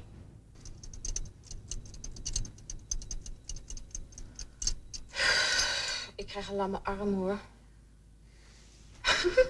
het lijkt wel een garnaal. Is het zo beroerd gesteld met de Nederlandse taal in de film? Heb ik dat gezegd? Nergens, hè? Nee, dat heb ik niet gezegd. Ik vind dat heel erg, ik vind dat heel erg meevallen. En ik vind dat er ook heel negatief over gedaan wordt. Eh, er zijn natuurlijk voorbeelden van films die echt, echt heel beroerd zijn eh, qua dialoog. Eh, maar er zijn ook eh, genoeg films te bedenken die heel goed zijn qua dialoog. En die ik echt interessant vind. En ook eh, onderscheidend internationaal eh, op gebied van dialoog. Kan, kan je een voorbeeld noemen? Tussenstand van Meike de Jong vind ik een film die ontzettend goed is op de dialoog. En het is een bijna theatrale film. Maar eh, die, daar hebben ze een heel interessante eh, eh, productieproces ook gehad. Ze zijn met de acteurs een tijd in een huisje gaan zitten... en ze zijn eindeloos gaan, gaan spelen en improviseren. En aan de hand van die improvisaties hebben ze de scènes uitgeschreven... en die zijn ze nog een keer gaan spelen. En zo is dat helemaal tot stand gekomen. Maar dat zijn ontzettend heftige, eh, echtelijke dialogen... zoals je die thuis misschien ook wel eens hebt... Ehm, maar ontzettend geloofwaardig ook. Zoals je je kan voorstellen dat een ruzie gaat. En dat een ruzie soms ontspoort. Dat je weer probeert terug te komen op, op het spoor. En dat je, nou, dat je erover na moet denken. Dat, het klopt helemaal. Dus dat, daar ben ik, eh, dat vind ik heel goed. Je bent zo ontzettend dwingend. Heb je er last van? Ik zie niet zo goed in hoe dwingend ik nu ben, maar ik vraag alleen maar hoe ga je dat oplossen? Nou, je dat is zo dwingend. Ja, dat is zo dwingend. Jij hebt het altijd maar over praten en luisteren. Nou, weet je wat jij niet doet? Het enige wat jij niet doet is luisteren. Als je luistert, dan, dan hoor je tenminste wat er gezegd wordt. Dat is jouw grootste probleem, weet je dat? Dat je niet kan luisteren. Ah, ik hoor Als je vallen- luistert, dan hoor je wat andere Da, mensen da, zeggen. da, da, da. Ik hoor alles wat je zegt. Doe normaal, ja? Dit is natuurlijk heel mooi. Maar waar komt dan het slechte imago van die Nederlandse filmdialoog vandaan? Het is toch ook heel vaak houterig en gemaakt? Eh, wij kijken altijd naar Amerikaanse films en die zijn dan ondertiteld. En dan lezen wij lekker de ondertitels. En daar wordt ook vaak, eh, vaak denk je, jezus, wat, wat, die zeggen het eigenlijk net zo slecht als wij dat doen, weet je. Maar eh, de, de, de, de ondertitels die verdoezelen een hoop. Ehm, ja, ik weet niet wat het is. Ik, ik, ik vind, eh, kijk, ik vind Engels een eh, veel lekkerder filmtaal persoonlijk... omdat je daar heel compact de dingen toch kan zeggen. En vaak eh, als je die dingen dan gaat vertalen of transponeren naar het Nederlands... hoe je dat dan in het Nederlands zegt... dan worden het vaak hele lullige, lullige zinnen. Van oh mijn god en zo. Dat, hè? Oh my god, dat klinkt toch veel beter dan oh mijn god. En nou ja, zo zijn er meer van dat soort voorbeelden. En denk, ja, dat, dat, Nederlands, Nederlands is niet een echte filmtaal. En daarom eh, lopen we altijd al een beetje achter. Nog eens. Tiran bulan, tiran bulan di kali. Vals! Hé, Rikker. Ik kan een slagen, kut. Hé, hey, niet doen, joh. Ik lik je wel schoon. Ehm, je schrijft tekst wat iemand zegt. Maar eigenlijk is het de bedoeling dat je niet schrijft wat diegene bedoelt. Dit is Anne Barnhoorn. Gouden Kalfwinnaar en een van de meest getalenteerde jonge scenaristen van Nederland. Dit schreef ze bijvoorbeeld voor A-moddervakker. Neem je tijd, hè? Haast je niet. Kan ik binnenkort eens een wasje bij jullie doen? Misschien moet je eens een keer wel eens te proberen. Van welk fucking geld? Thijs, let op je taal. Dat hoort er niet eens. Fucking. Mensen zeggen gewoon meestal niet direct wat ze bedoelen. En als ze dat wel doen, dan is het een soap. Dan is het heel erg één op één. Maar voor dialoog in film is het fijn als er subtekst is. Dus als iemand iets zegt, maar eigenlijk iets anders bedoelt. In de ontmaagding van Eva van Ent is er een scène tussen eh, moeder en zoon. En, en eh, moeder heeft eigenlijk nooit aandacht gehad voor haar zoon. En eh, dan hebben ze het over een frikandellenwedstrijd. Want hij gaat aan een frikandellenwedstrijd meedoen en zijn moeder komt niet kijken. En dan hebben ze het dus over die wedstrijd en dat zij niet komt. Maar eigenlijk zegt hij tegen haar, je houdt niet van me. En zegt zij tegen hem, ik heb geen aandacht voor jou. Is dat ehm, wat er ook het, meest fout gaat? Ehm, nou, ik denk eigenlijk dat wat er het meest fout gaat, is dat schrijvers vaak juist te veel subtekst erin willen schrijven. En dat het da- daardoor heel gedragen zinnen worden. Die ehm, dan weer juist helemaal geen spreektaal zijn. Dus dat, dat acteurs eh, echt hele volzinnen moeten uitspreken. Die, die, die op papier heel mooi zijn, maar dat is niet de manier waarop mensen spreken. Ze heeft bijzondere ogen. Ze hebben niet één kleur. Ze zijn blauw en grijs en een beetje donkerder aan de buitenkant. Bijzonder. We moeten de poort dichtgooien en versterken. Een plan maken. We hebben geen tijd te verliezen. Met alle respect, ik heb hier de leiding. Alle schepen zijn onzinkbaar, Jan. Tot ze zinken. Je moet er zelf ook op betrappen dat je, dat je af en toe... eh, eh, ja, wil het te veel zijn, wordt het te veel gezegd. En eh, dat, daar maak je mezelf ook schuldig aan. Dus ik moet me af en toe proberen te beperken, ook in dialoog. Hoe bedoel je te veel gezegd? Nou, soms zie je dingen gewoon gebeuren en dan zegt iemand nog eens dat het gaat gebeuren, weet je wel. En dat is. En ja, mensen praten ook vaak zoals ik nu, hakkelend in, in halve zinnen en zo. Ehm, maar dat is meer realistisch. Maar je, je moet natuurlijk niet, zoals ik nu praat... zo moet je niet in een film praten. Want dat is, eh, vervelen mensen zich dood. Want dat, is gewoon eindeloos. Ja, weet je, moet een beetje compactere zinnen proberen te maken. Maar je moet wel spaarzaam zijn. En niet eh, van, eh, ja, weet je wel, dat het iedereen ziet wat er gebeurt... en dan ga je het nog eens in dialoog becommentariëren. Dat is, dat is niet de bedoeling. Nou, ik merk het wel vaak bij beginnende filmmakers dat ze denken: oh, dan eh, gaan we lekker beginnen aan een script en dan gaan we dialogen schrijven. Terwijl dat ik schrijf de dialoog als allerlaatst, omdat ik dan precies weet waar scènes over gaan en wat dus de subtekst van zo'n dialoog moet zijn. En in die zin wordt het misschien wel onderschat hier en daar. Omdat mensen denken, oh, dialoog schrijven... huh, nou, dan, we redden ons er wel uit in de dialoog. Maar dat, zo werkt het niet. En, en zo ontstaat slechte dialoog juist als je op die manier het benadert. Maar ehm, iedereen doet altijd heel erg eh, neerbuigend over de dialoog in, in Nederlandse producties. Maar ik vind dat er toch ook wel ehm, eh, dingen zijn waarin het juist wel heel erg eh, leuk is gedaan. Is het publiek, denkt het publiek ook vaak aan dat soort makkelijk blijven hangende zinnetjes als het om dialoog gaat? Wordt, het, wordt, wordt de kunst als zodanig wel goed gezien? Nou, weet je wat me vaak opvalt bij mensen die niks weten van film maken of, of wat een scenario schrijver is? Die denken soms dat acteurs de dialogen verzinnen op de set. Dat ver, ja, ik snap dat aan de ene kant wel, maar aan de andere kant ook niet. Want ja, het is natuurlijk mijn werk. En eh, dan verbaas ik me altijd over ehm, dat, dat het publiek dat inderdaad dus heel erg onderschat. Dat dat echt een vak is. en ehm, ehm, in die zin doe je je vak dus misschien juist wel goed als het publiek dat denkt. Want dan is het zo'n natuurlijke dialoog dat ze denken dat het echt is.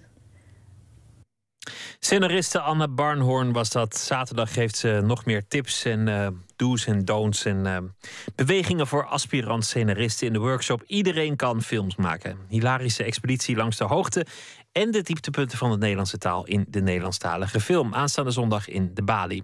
Oh, buurman, wat doet u nu? heet het eh, programma. Dat juist beoogt om voorbij one-liners te gaan trouwens. Meer informatie op de site van het Logos Festival. Hij begon als drummer bij de Fleet Foxes, maar eh, de achtergrond eh, die beviel hem niet. En dus wilde hij naar voren en begon zijn eigen carrière als eh, singer-songwriter. Father John Misty is zijn artiestennaam. Het album heet I Love You Honey Bear. En hij gaat heel veel liedjes daarvan ongetwijfeld spelen in Paradiso Noord, in de Tolhuistuin, want daar zal hij donderdag optreden. Misschien ook wel deze I Went to the Store One Day.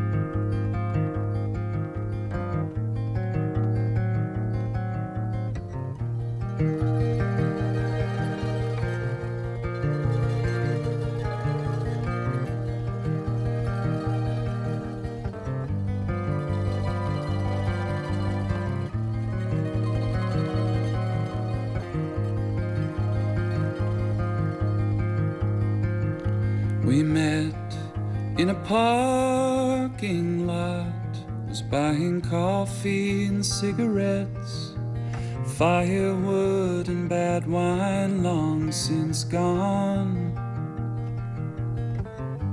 But I'm still drunk and hot, wide awake, breathing hard. Now, in just one year's time, I've become jealous, rail thin, prone to paranoia when I'm stoned. This isn't true love, someone ought to put me in a home. Say, do you wanna get married? An end to our endless progressive tendency to scorn. Provincial concepts like your dowry and your daddy's farm.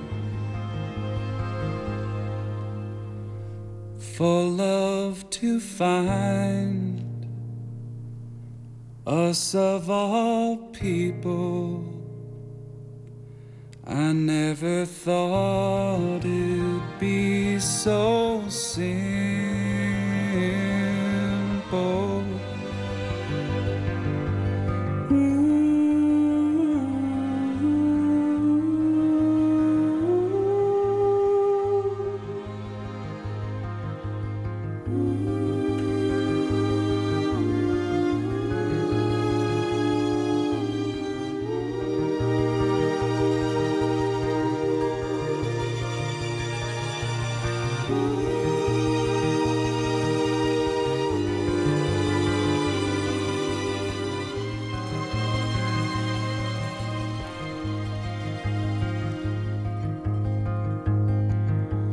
Let's buy a plantation house and let the yard grow wild till we don't need the signs that say keep out.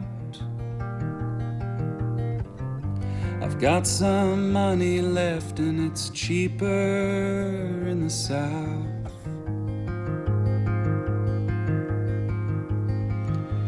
I need someone I can trust to protect me from my seven daughters when my body says enough. Don't let me die in a hospital. I'll save the big one for the last time we make love.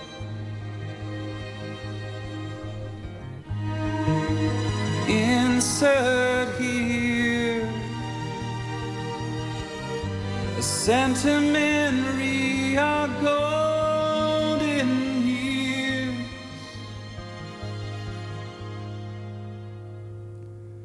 All cause I went to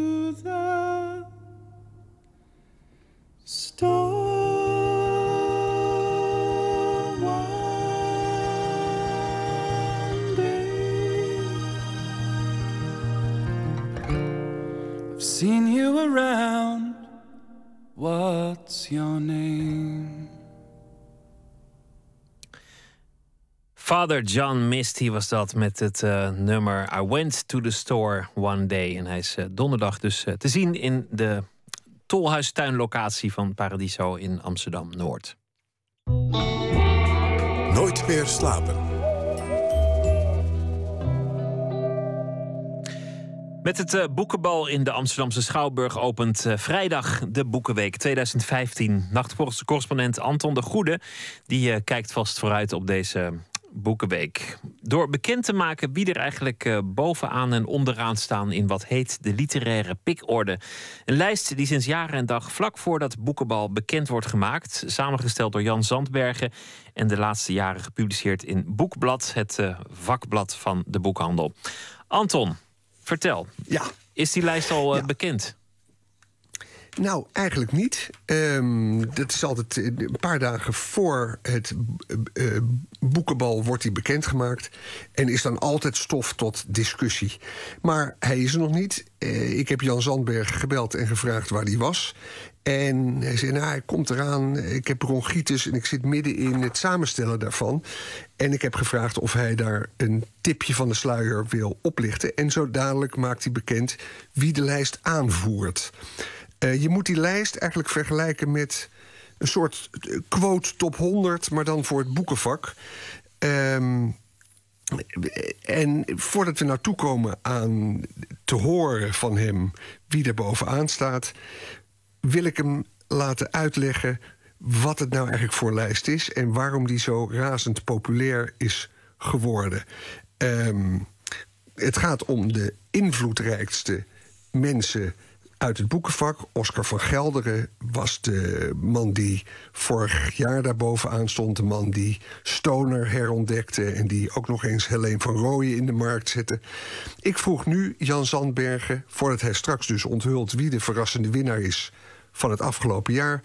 Eerst nog eens uit te leggen wat de lijst naar zijn idee inhoudt en waarom die zij naar zijn idee zo aanslaat.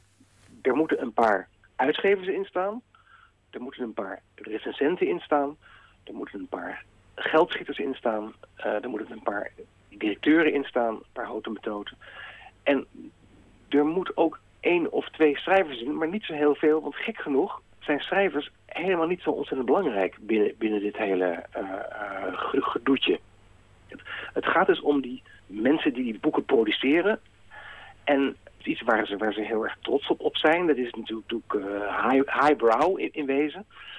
En dat bij elkaar is een, is een ideale formule om een pikorde in aan te brengen. Om te zeggen van nou, wie is nou echt belangrijk en wie is minder belangrijk. En wie er niet in staat, die telt kennelijk he helemaal niet mee.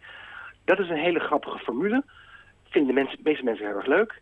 En nog veel meer mensen vinden het helemaal niet leuk. en, dat is, en dan heb je iets, iets te pakken volgens mij. Al dus Jan Sandberg. Ja, het is ook, het is ook een ja. beetje een filijnenlijst natuurlijk. Hè? Want het is een vak vol jaloezie. En, en zo'n boekenbal, uh, los van alle gezelligheid, is ook een bal waar wel hier en daar een scheve blik thuis hoort. En zo'n lijst ja. is daar natuurlijk stof voor. Precies. En Jan Zandberg heeft een heel filijn pennetje. Hij, over Joost Zwagerman schreef hij vorig jaar bijvoorbeeld... kunstkenner, ooit een geruchtmakend romanschrijver... nu een pratend hoofd die alleen nog de bevende handjes mist... om de nieuwe Pierre Jansen van de kunsttelevisie te worden. Nou, uh, dat, flink, dat zal hij fijn vinden. Ja, dat zal hij fijn vinden. Dus hij maakt niet alleen maar vrienden. Flink stekelig dus, die lijst. Um, ik vroeg hem of Jan Zandberg dat met mij eens was. Dat klopt. En dat komt omdat de wereld die ik beschrijf, die is, die is, natuurlijk, die is natuurlijk verschrikkelijk ijdel. Dus dan is het eigenlijk heel erg leuk om, om, om iets, iets op te schrijven wat helemaal niet past bij, bij die ijdelheid. Een beetje, op een beetje een oneerbiedige manier. Waardoor het opeens weer allemaal heel erg gewoon is. Van jongens, waar zijn we nou mee bezig? We willen gewoon een paar boekjes verkopen en die willen we in de winkel leggen en we willen daar belangstelling voor. En it's no big deal. Um, en dat is, een, dat is een, een, een, een, een, andere toon waarop meestal over dit vak wordt uh, gesproken.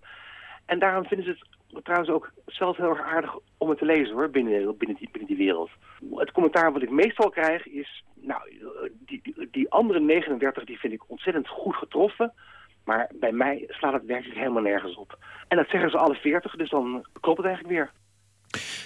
Anton, wil dat zeggen dat het eigenlijk ja. allemaal een beetje een pretje is? Of, of heeft die lijst toch nog enig belang? Nou, nee, dat is juist het leuke en ook knappe van Jan Sandberg. Aan de ene kant is het humoristisch en uh, uh, leuk om te lezen. En aan de andere kant is het ook serieus en wordt het met grote zorg samengesteld. Waarbij Zandbergen afgaat op allerlei informatie en ook de top 100 van verkochte boeken van het afgelopen jaar nauwgezet bestudeert. En als je dus vraagt wie prijkt er bovenaan, dan heb je te maken met de top 10 van best verkochte boeken van 2014. We komen bij de ontknoping nu. Jan Zandbergen. In die top 10 van de best verkochte boeken van 2014, daar staan vooral mensen, auteurs bekend zijn van televisie. En meer in het bijzonder van RTL Nederland. En dat is eigenlijk nieuw. Want auteurs waren altijd wel bekend. Uh, maar dan toch vooral van uh, NPO. Maar wat er nu aan de hand is, dat is iets, iets anders. Er is een groepje mensen, en dat zijn er eigenlijk vijf. En ik heb die vijf heb ik bij elkaar gezet. En die noem ik de RTL-stal. RTL ja, de RTL-stal. Ja. Is dat een moderne variant op wat ooit heette... en waar jij volgens mij in een zeer grijs verleden... getuige het archief nog wel eens druk om hebt gemaakt... de vertrossing? Nou, um, je, je, kunt één ding vaststellen... Uh, dat um, het klassieke beeld van de, de, de, de auteur Remco Kampert, de, de bleke romancier, dat die heeft plaatsgemaakt voor televisiepersoonlijkheden, voor mensen uit soaps. Voor Isa Hoes en dat soort uh, uh, auteurs. Ja, ja, ja, ja, want dat zijn de vijf namen die hij nu onder één noemer brengt. Uh, Johan Derksen, Willem Kieft, Isa Hoes, Zlatan Ibrahimovic en Rens Kroes. Voetballers, Rens Kroes, de zus van het fotomodel... die een kookboekje heeft geschreven of een boekje over, over voeding. En ja, vertrossing, dat klinkt gelijk zo negatief. Het is, een, het is gewoon een, een, een, een feit om dit zo te signaleren. En uh, daar doet Jan Zandbergen ook helemaal niet laatdunkend over. Luister welke trend hij signaleert. als je dan een trend zou moeten aanwijzen, dat is, mensen vinden het moeilijk om een, eh, eh, om een, om, om een boek uit te kiezen. Ze, ze, willen nog steeds wel, wel een boek kopen. Want een, een boek is een, is een hoog cultuurmiddel. Eh, en dan gaan ze naar die boekwinkel en dan nemen ze dus een van deze, deze vijf, want die, die kennen ze dan, van de, van de televisie, zo werkt het. En dat was, vroeger was het nog iets chiquer, dan namen ze van Dis, en dat nemen ze ook nog wel, maar in, in minder mate. Of dan nemen ze uh, Herman Koch, uh, wat natuurlijk ook, ook een heel, heel goede keuze is. Maar eigenlijk is het nu uh, nog raarder geworden. En dat heb ik dus eigenlijk willen uitdrukken met die uh, hoe nummer 1. Ik zet gewoon uh, dat, dat hele stelletje bij elkaar. En dan wordt opeens duidelijk waar het boekenvak beland is anno 2015. En dat, en dat is, ja, en dat kun je dan heel grappig vinden of heel erg droevig. Dat, dat maakt mij verder niet zo heel veel uit. Ja, maar goed, weet je, iedereen kan wel zeggen... het maakt niet uit en uh, moet kunnen, ach, het is de tijd. Maar het is natuurlijk toch raar dat, dat... dan is er dat boekenbal, maar eigenlijk worden alle boeken verkocht via de televisie. Het is alsof de televisiering alleen nog maar naar mensen als Remco Kampert zou gaan. Ja, nou ja, dat is de, de, eigenlijk een, een, slotopmerking van mij. Dat je ook ziet dat het niet langer de publieke omroep is die de toon zet. Maar dat het de commerciële zender RTL Nederland is. Die, uh, die aan het langste eind trekt. Wij denken vaak de wereld draait door met het boekenpanel. Uh, dat bepaalt de, de verkoop. Maar dat blijkt dus niet het geval te zijn.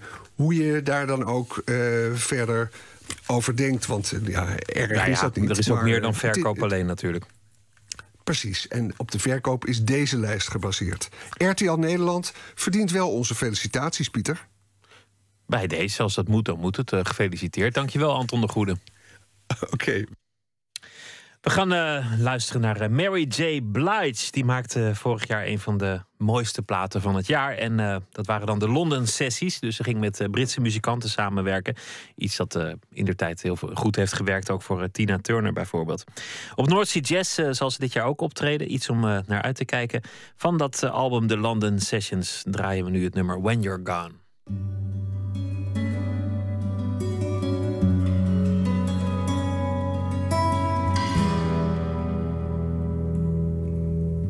Seems like we're right, but you always have a problem with everything. Appreciate your advice, but sometimes I have trouble managing.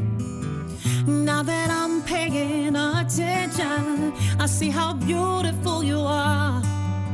But when you spend so much time together, that image can get so dark. But when you're gone, I miss you like I did when we were first together. No one in this world could ever hold me better. Just tell me when you're coming home. When you're gone, I miss you like you took a piece of me with ya. Didn't think I cared that much, did ya? Just tell me when you're coming home. Seems like we were right, but today I woke up on the wrong side. I need silence to keep me bright, otherwise today won't be nice. I wanna laugh with you again, just like you are my best friend. But friends can always leave, and we're too close, and too close is never easy. I miss you like I did when we were first together. No one in this world could ever hold me better. Just tell me when you're coming home.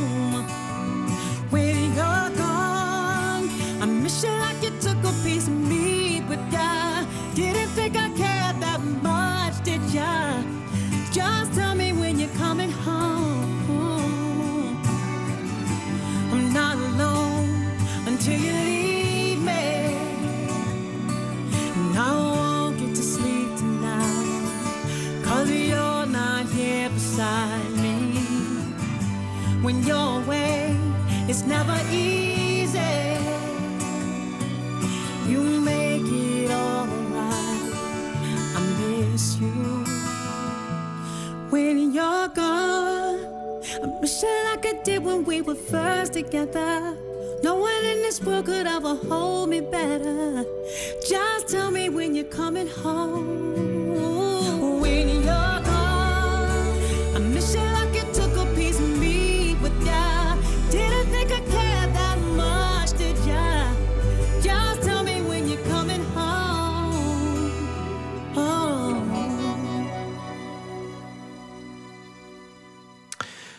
Mary J. Blige, Power Woman met uh, het nummer When You're Gone.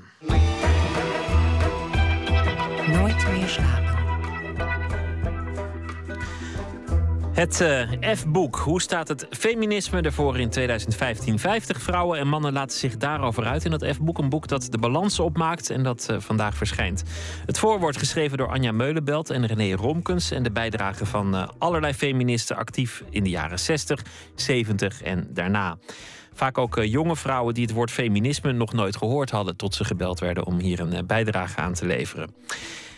Ze proberen dan ook hun eigen betekenis aan te geven. Zoals Simone van Saarloos. Zij is filosoof, literatuurwetenschapper en columniste. En Matthijs Deen die zocht haar op in Amsterdam.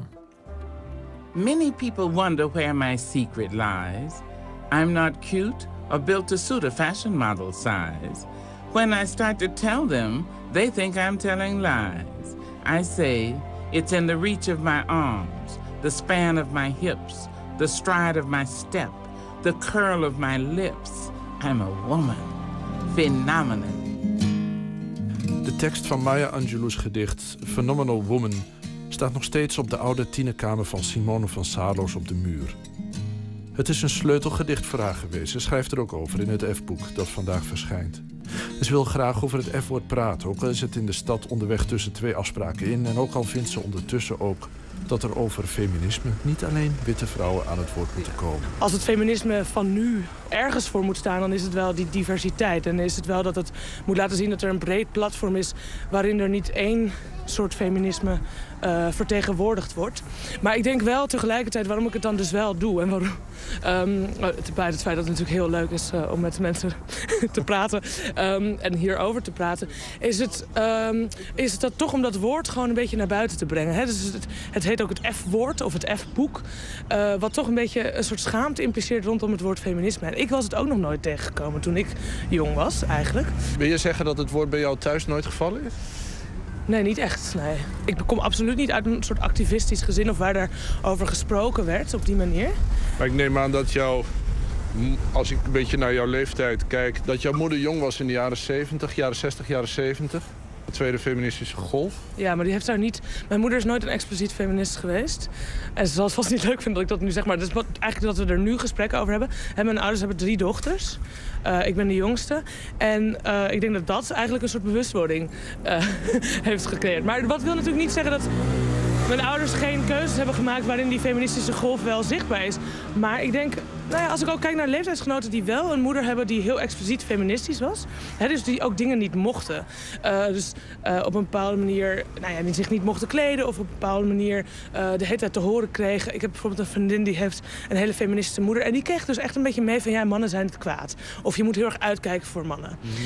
En eigenlijk dus veel meer een angstcultuur. Hè? Dus ook van je moet je niet zo kleden, want dat mag niet. Ja, ik heb daar wat, helemaal wat bijvoorbeeld, hoe kleden? Nou, je mag geen nagellak op of je, of je mag je niet scheren en zo. Nou zeg ik niet dat ik scheren wel per se goed of ik vind er helemaal niks van. Maar het gaat er meer om dat ik niet uh, ben opgevoed met een expliciet zo moet het niet. Omdat mijn moeder niet op die manier zich feministisch uitsprak. Um, het is een beetje hetzelfde als ik ben ook totaal niet religieus opgevoed. Dus ik heb geen enkele wrok in die zin. Het is een soort luxe positie waarin je een soort neutraliteit... en natuurlijk is die neutraliteit altijd vals... maar van daaruit kan je dan heel erg natuurlijk gaan zoeken naar iets wat bij jou Hè? Uh, wat zo mooi natuurlijk nu zegt, dat je iets bij je past. That is not what I do. I ain't no damsel in distress. Ja, waar, waar is het begonnen? Ik denk dat het begonnen is bij eigenlijk uh, ja, in een soort queer lichaam zitten. Dus queer hè, is alles een beetje tussen man en vrouw in. Mm -hmm. uh, en dat kwam gewoon, ik, op mijn zesde uh, deed ik aan ijshockey. Was ik het enige meisje in een ijshockeyteam. Ik had allerlei punkkleding. Dus dat had er puur mee te maken in het begin... dat je er als lichaam bewijs van niet in past. En dat je heel erg stoer bent en dat je op een gegeven moment... ga je de identiteit eraan ophangen. Want ik merkte ook dat als ik iets uh, als iets geprezen werd, dus als ik ergens een compliment voor kreeg... dan was dat altijd in termen van... oh, je bent net zo stoer of sterk of slim of nieuwsgierig als een jongetje. Maar toen ik tien was, kreeg ik al borsten. En ik was de eerste die ongesteld was in de klas en zo. Dus je hebt echt... Letterlijk wordt, je werpt je lichaam je eigenlijk in die vraag. Zo heb ik dat wel even. En dan krijg je dus die, die, die zangeressen die dan over vrouwelijkheid zingen en zo. En dan denk je, oh jee, wat betekent dat dan eigenlijk? En toen ben ik er dus over na gaan denken dat, dat de identiteit die ik mezelf ook gaf als een soort van uitzonderlijke vrouw. Want dat gebeurde dan ook, dat ik altijd overal de ene, het enige meisje was. Nou, dan heb je eigenlijk altijd een leuke positie. Hè? Alleen realiseer ik me wel, ja, dat is een soort uitzonderingspositie die niet iedereen heeft. Dus zolang je als enige vrouw ergens bent en je bent ook nog goed in wat de mannen doen, dan is het geen probleem. Je was dus one of the guys, maar toch eigenlijk helemaal niet. En dat leverde een probleem op. Ja, of nou ja, een probleem dat levert in ieder geval een, een, een bewustzijn op daarover. En ik vond het toch wel heel erg vreemd dat bepaalde eigenschappen die ik zelf inmiddels heel belangrijk was gaan vinden, zoals stoer, sterk en, en nieuwsgierig of zo, of een soort van baldadig ook daarin en agressief uh, in, in mijn honger naar kennis of nieuwe ervaringen of zo, dat die ja, als mannelijk werden gekarakteriseerd. Um, ja. Hey, maar je had het ook over je moeder. Als je moeder die niet expliciet met het feminisme... in ieder geval het woord ook niet noemde. En, en wat dat betreft uh, waarschijnlijk... Ja, misschien was ze gewoon bezig met te werken, met een gezin. En gewoon met alle dag. Maar dat is dan toch ja, het eerste voorbeeld wat je hebt. Je kijkt naar je ouders, hè? Ik ben... Uh nooit op die manier heb ik daar een soort lijn. Uh, of je zussen? Of mijn zussen. Ja, zeker. Nou ja, mijn zussen hebben me wel... In, zeker mijn oudste zus heeft me echt in contact gebracht wel met ook die zangeressen. Dus ja. vanuit Amerika. Ik ben ook geboren in Amerika, dus mijn ouders hebben daar acht jaar gewoond. Dus het is wel degelijk een band. En ik voel nog steeds ook heel erg sterk een band uh, met Amerika. Omdat mijn, mijn activisme daar wel gevoed wordt. Dus als ik in Amerika ben, voel ik me ook veel meer feminist dan hier. Hoe komt dat, denk je? Nou, omdat ten eerste zijn de misstanden veel duidelijker. Ik bedoel, het abortusrecht is... Uh, het, uh, de rechten van homo's uh, lopen gewoon ontzettend achter voor onze begrippen. Het heeft heel erg te maken, denk ik, met het feit dat um, ik het gevoel heb dat ik het recht van, dat ik recht van spreken heb als ik in Amerika onrecht zie. Waarom heb je dan recht van spreken erbij? Nou, omdat ik de cultuur voor mijn gevoel begrijp. Omdat het een westerse cultuur is. Omdat we nou eenmaal een soort van met z'n allen volgens mij geaccepteerd hebben dat we kritiek mogen leveren op Amerika. Dat daar niet een soort orientalistisch of kolonialistisch. Ja, in zekere zin. We hebben niks gedaan daar. En je kunt daar veel makkelijker ook een fel gesprek voeren. Naar mijn, hè, wat, wat ik heb meegemaakt, uiteraard. Um, en in Nederland, ik, ja, ik denk dat het, het heeft wel iets te maken ook met een soort van de mentaliteit van... nou ja, het is al goed genoeg of uh, doe, maar, doe maar gewoon, dan is het... Dan is het uh, wat is het ook weer? Doe, doe maar gewoon, dan doe je al gek oh, ja. genoeg. Nou ja, precies. Nou ja, ik was hem alweer vergeten, want ik vind het zo... ja, dat, dat zit er wel in. Uh...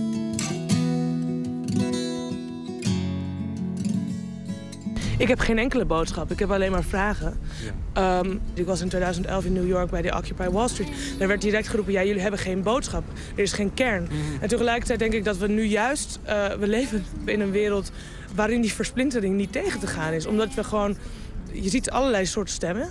Je ziet allerlei soorten werelden. Uh, die komen met elkaar in contact. En ja, het is, niet, het is niet fijn dat er niet eenduidige, een eenduidige boodschap is. Dat begrijp ik ook wel. En ik bedoel, het is echt heel erg zoeken. Mm. En uh, ik zou nu het liefst... Het zou het zoveel makkelijker... Het zou het makkelijker en efficiënter maken uh, als, als jij mij voor een... Uh, hè, zegt van, kom je even praten voor de radio. Als ik gewoon die boodschap had. Ja. Dan zou ik echt zoveel prettiger vinden. Want nu ben ik zelf ook de hele tijd aan het zoeken. Um, maar ja, ik geloof gewoon niet dat die eenduidige boodschap er is. Dus ik wil hem... Ja, Voel je je verwant met die vorige generatie? In die zin van zij hebben voorwerk gedaan waar wij op doorgaan? Of, en als het gaat over anticonceptie en, en baas- en eigen buikachtige bewegingen... dan is er uh, wel degelijk... Ik had laatst had ik uh, een interview met, met Leni de Zwaan, een singlesactiviste. En, activiste, en die vertelde dus dat ze geen, alleen, uh, geen woning kon krijgen... omdat ze alleenstaande vrouw was. En die hebben daar zo voor gevochten. En dan denk ik, jeetje, het is voor mij totaal vanzelfsprekend. Ik bespeur wel eens bij de activisten van die jaren zeventig... dat ze ook wel eens verzuchten, dat is om zich heen kijken... het is allemaal voor niks geweest. Ik denk dat dat te maken heeft als je nog een activistisch karakter hebt... dan zie je altijd dat er meer ge gebeuren kan. Anja Meulenbelt die zet zich nu veel meer in bijvoorbeeld op de... Uh, ook, uh, nou ja, dat er meer kleur in het feminisme komt. Ik bedoel, dat was toen gewoon wel minder aan de orde. Dat, werd, dat probleem werd toen nog niet zo gezien. Hè, die diversiteit, denk ik. Um, het werd toen, er werd toen gevochten voor het orgasme, wat heel belangrijk is. Het orgasme is heel belangrijk. Um, wat, wat wel zo is, en we hadden het net eventjes over hoe ik dan opgegroeid ben. En volgens mij was dat vrij principeloos. Mm -hmm. En ik denk wel dat dat kenmerkend is voor deze tijd. Voor zover ik daar uitspraken over kan doen met mijn 24 jaar. Maar dat er inderdaad gewoon weinig principes zijn. En dat we daar wel naar zoeken. En um, dat dus ook binnen het feminisme en dus ook binnen van hè, wat mag en wat mag niet als het gaat over discriminatie bijvoorbeeld. Uh, welke woorden mag je wel gebruiken en welke woorden niet en hoe benoem je dingen. Ja, dat daarin op dit moment geen eenduidig antwoord is. Ik denk niet dat hij er ooit gaat komen. Ik denk wel dat we onszelf moeten voorschotelen dat er een soort antwoord komt. Het zoeken is volgens mij alleen aantrekkelijk zolang je in ieder geval het idee hebt dat er een soort duidelijkere tijd aankomt. En in die zin blijf ik wel zeggen van ja, we zitten nu gewoon even in een, in een soort rommelige, chaotische periode. En ik denk ook wel dat als het op het gebied van activisme dat dat zo is. In de zin dat, het, dat we er nu nog heel erg van uitgaan. Ook met de maagdenhuisbezetting zie je dat mensen heel opgelucht zijn van... oh, het maagdenhuis wordt weer bezet. Dat grijpt terug naar nou, wat we al kennen. En tegelijkertijd zijn ze veel inclusiever. Hè? Ik bedoel, er hangt nu een bord van uh, no racism, no sexism, no all... Of, uh, ze hebben echt een hele lijst van wat er allemaal niet, niet mag. En tegelijkertijd moet dus alles mogen. Dat is een beetje het gekke, hè? Dus het is totaal... Het wil zo inclusief zijn dat er ook heel veel dingen niet mogen. En dat is een gek ik denk dat het een gekke tijd is voor activisme. Maar ik denk wel dat je ziet dat het zowel aan het feminisme en aan de discussie van, uh, uh, rondom de discriminatie. Um, en rondom het kapitalisme hè, vanuit de Occupy Wall Street. En nu dus ook een beetje de studentenbeweging. Dat je ziet dat er wel, wel degelijk iets leeft. En wat dat iets dan precies is. Groot onbehagen. Ja, maar ook niet alleen onbehagen. Ook wel veel positieve energie. ja. Al dus Simone van Saarloos in uh, gesprek met Matthijs Deen... naar aanleiding van het boek Het F-woord... uitgegeven bij Aria Spectrum. Ja, Kent Heat, hoe kwamen die eigenlijk uh, aan hun naam? Een uh, band uit de jaren 60, beroemde blues-rockgroep was het. Nou, die ontleende ze aan een liedje van de vroegere Delta Blues-zanger Tommy Johnson. Want in de jaren 20 van de vorige eeuw zong hij een nummer over het drinken van illegaal gestookte alcohol, methanol. En zelf was hij ook een liefhebber en daar kwam het dus vandaan. Can't Heat Blues, hier is Tommy Johnson.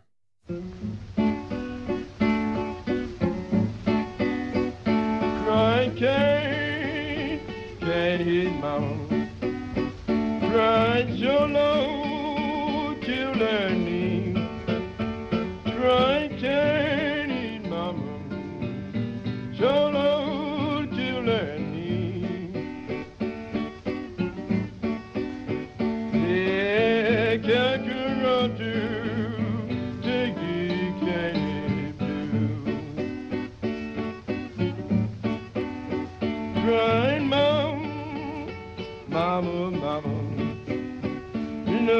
candy killing me.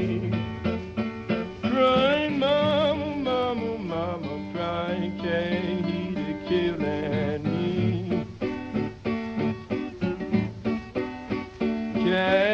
Don't cry, baby, never.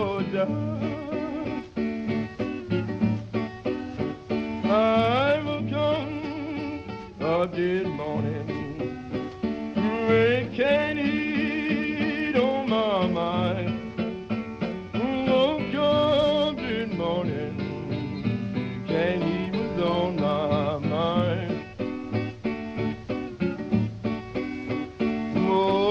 död Ve keylan anana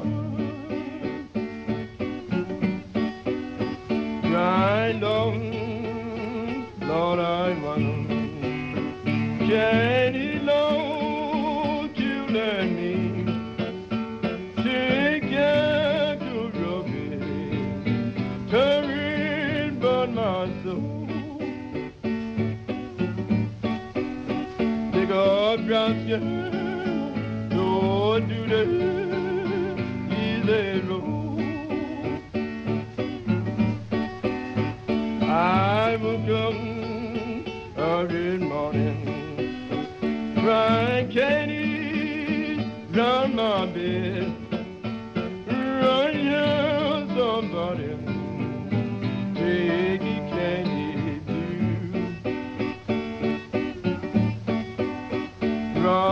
Run your soul and take the candy blue. Crying mama, mama, mama. Cry, can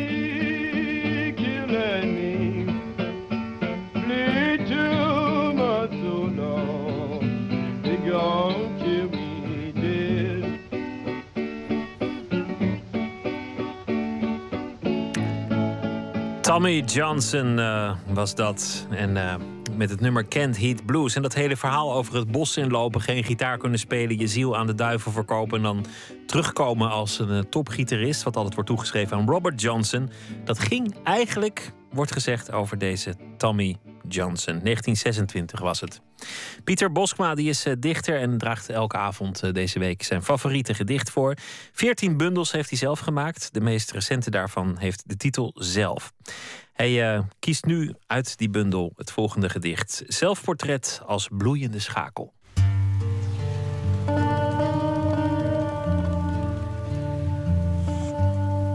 Het volgende gedicht is van de grote katholieke volksdichter Pieter Boskma. Uit mijn jongste bundel, vol zelfportretten, eh, lees ik voor u. Zelfportret als bloeiende schakel. Er zit een knik in de dagen. Ze vouwen zich niet meer goed uit, alsof ze iets verborgen houden. Er is ook wat met het zonlicht. Het lijkt wel door tralies te vallen, al is het onzeker wie vastzit. Wat is het toch dat zich niet prijsgeeft? Of is de tijd aan het krimpen geslagen en vallen er gaten in wat je beleeft? Je kust een vrouw voor het eerst op de mond, opent je ogen en bent weer gescheiden. Je knielt als een christen en staat op als heiden.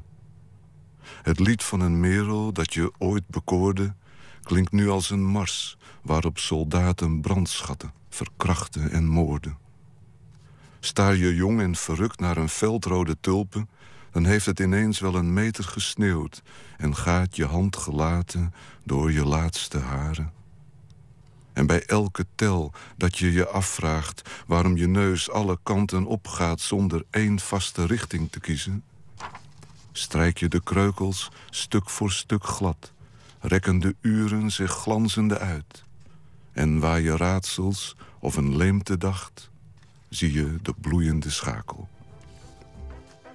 Pieter Boskma die droeg het gedicht voor zelfportret als bloeiende schakel uit zijn bundel zelf. Morgen nooit meer slapen Jan Donkers, eh, popjournalist, radiopresentator en uh, toch rock'n'roll liefhebber tot het einde. Zelfs voorbij de midlife crisis. Een boek geschreven over uh, popmuziek, ouder worden en andere belangrijke zaken. Dat morgen voor nu een hele goede nacht. Straks de Vara en graag weer tot morgen.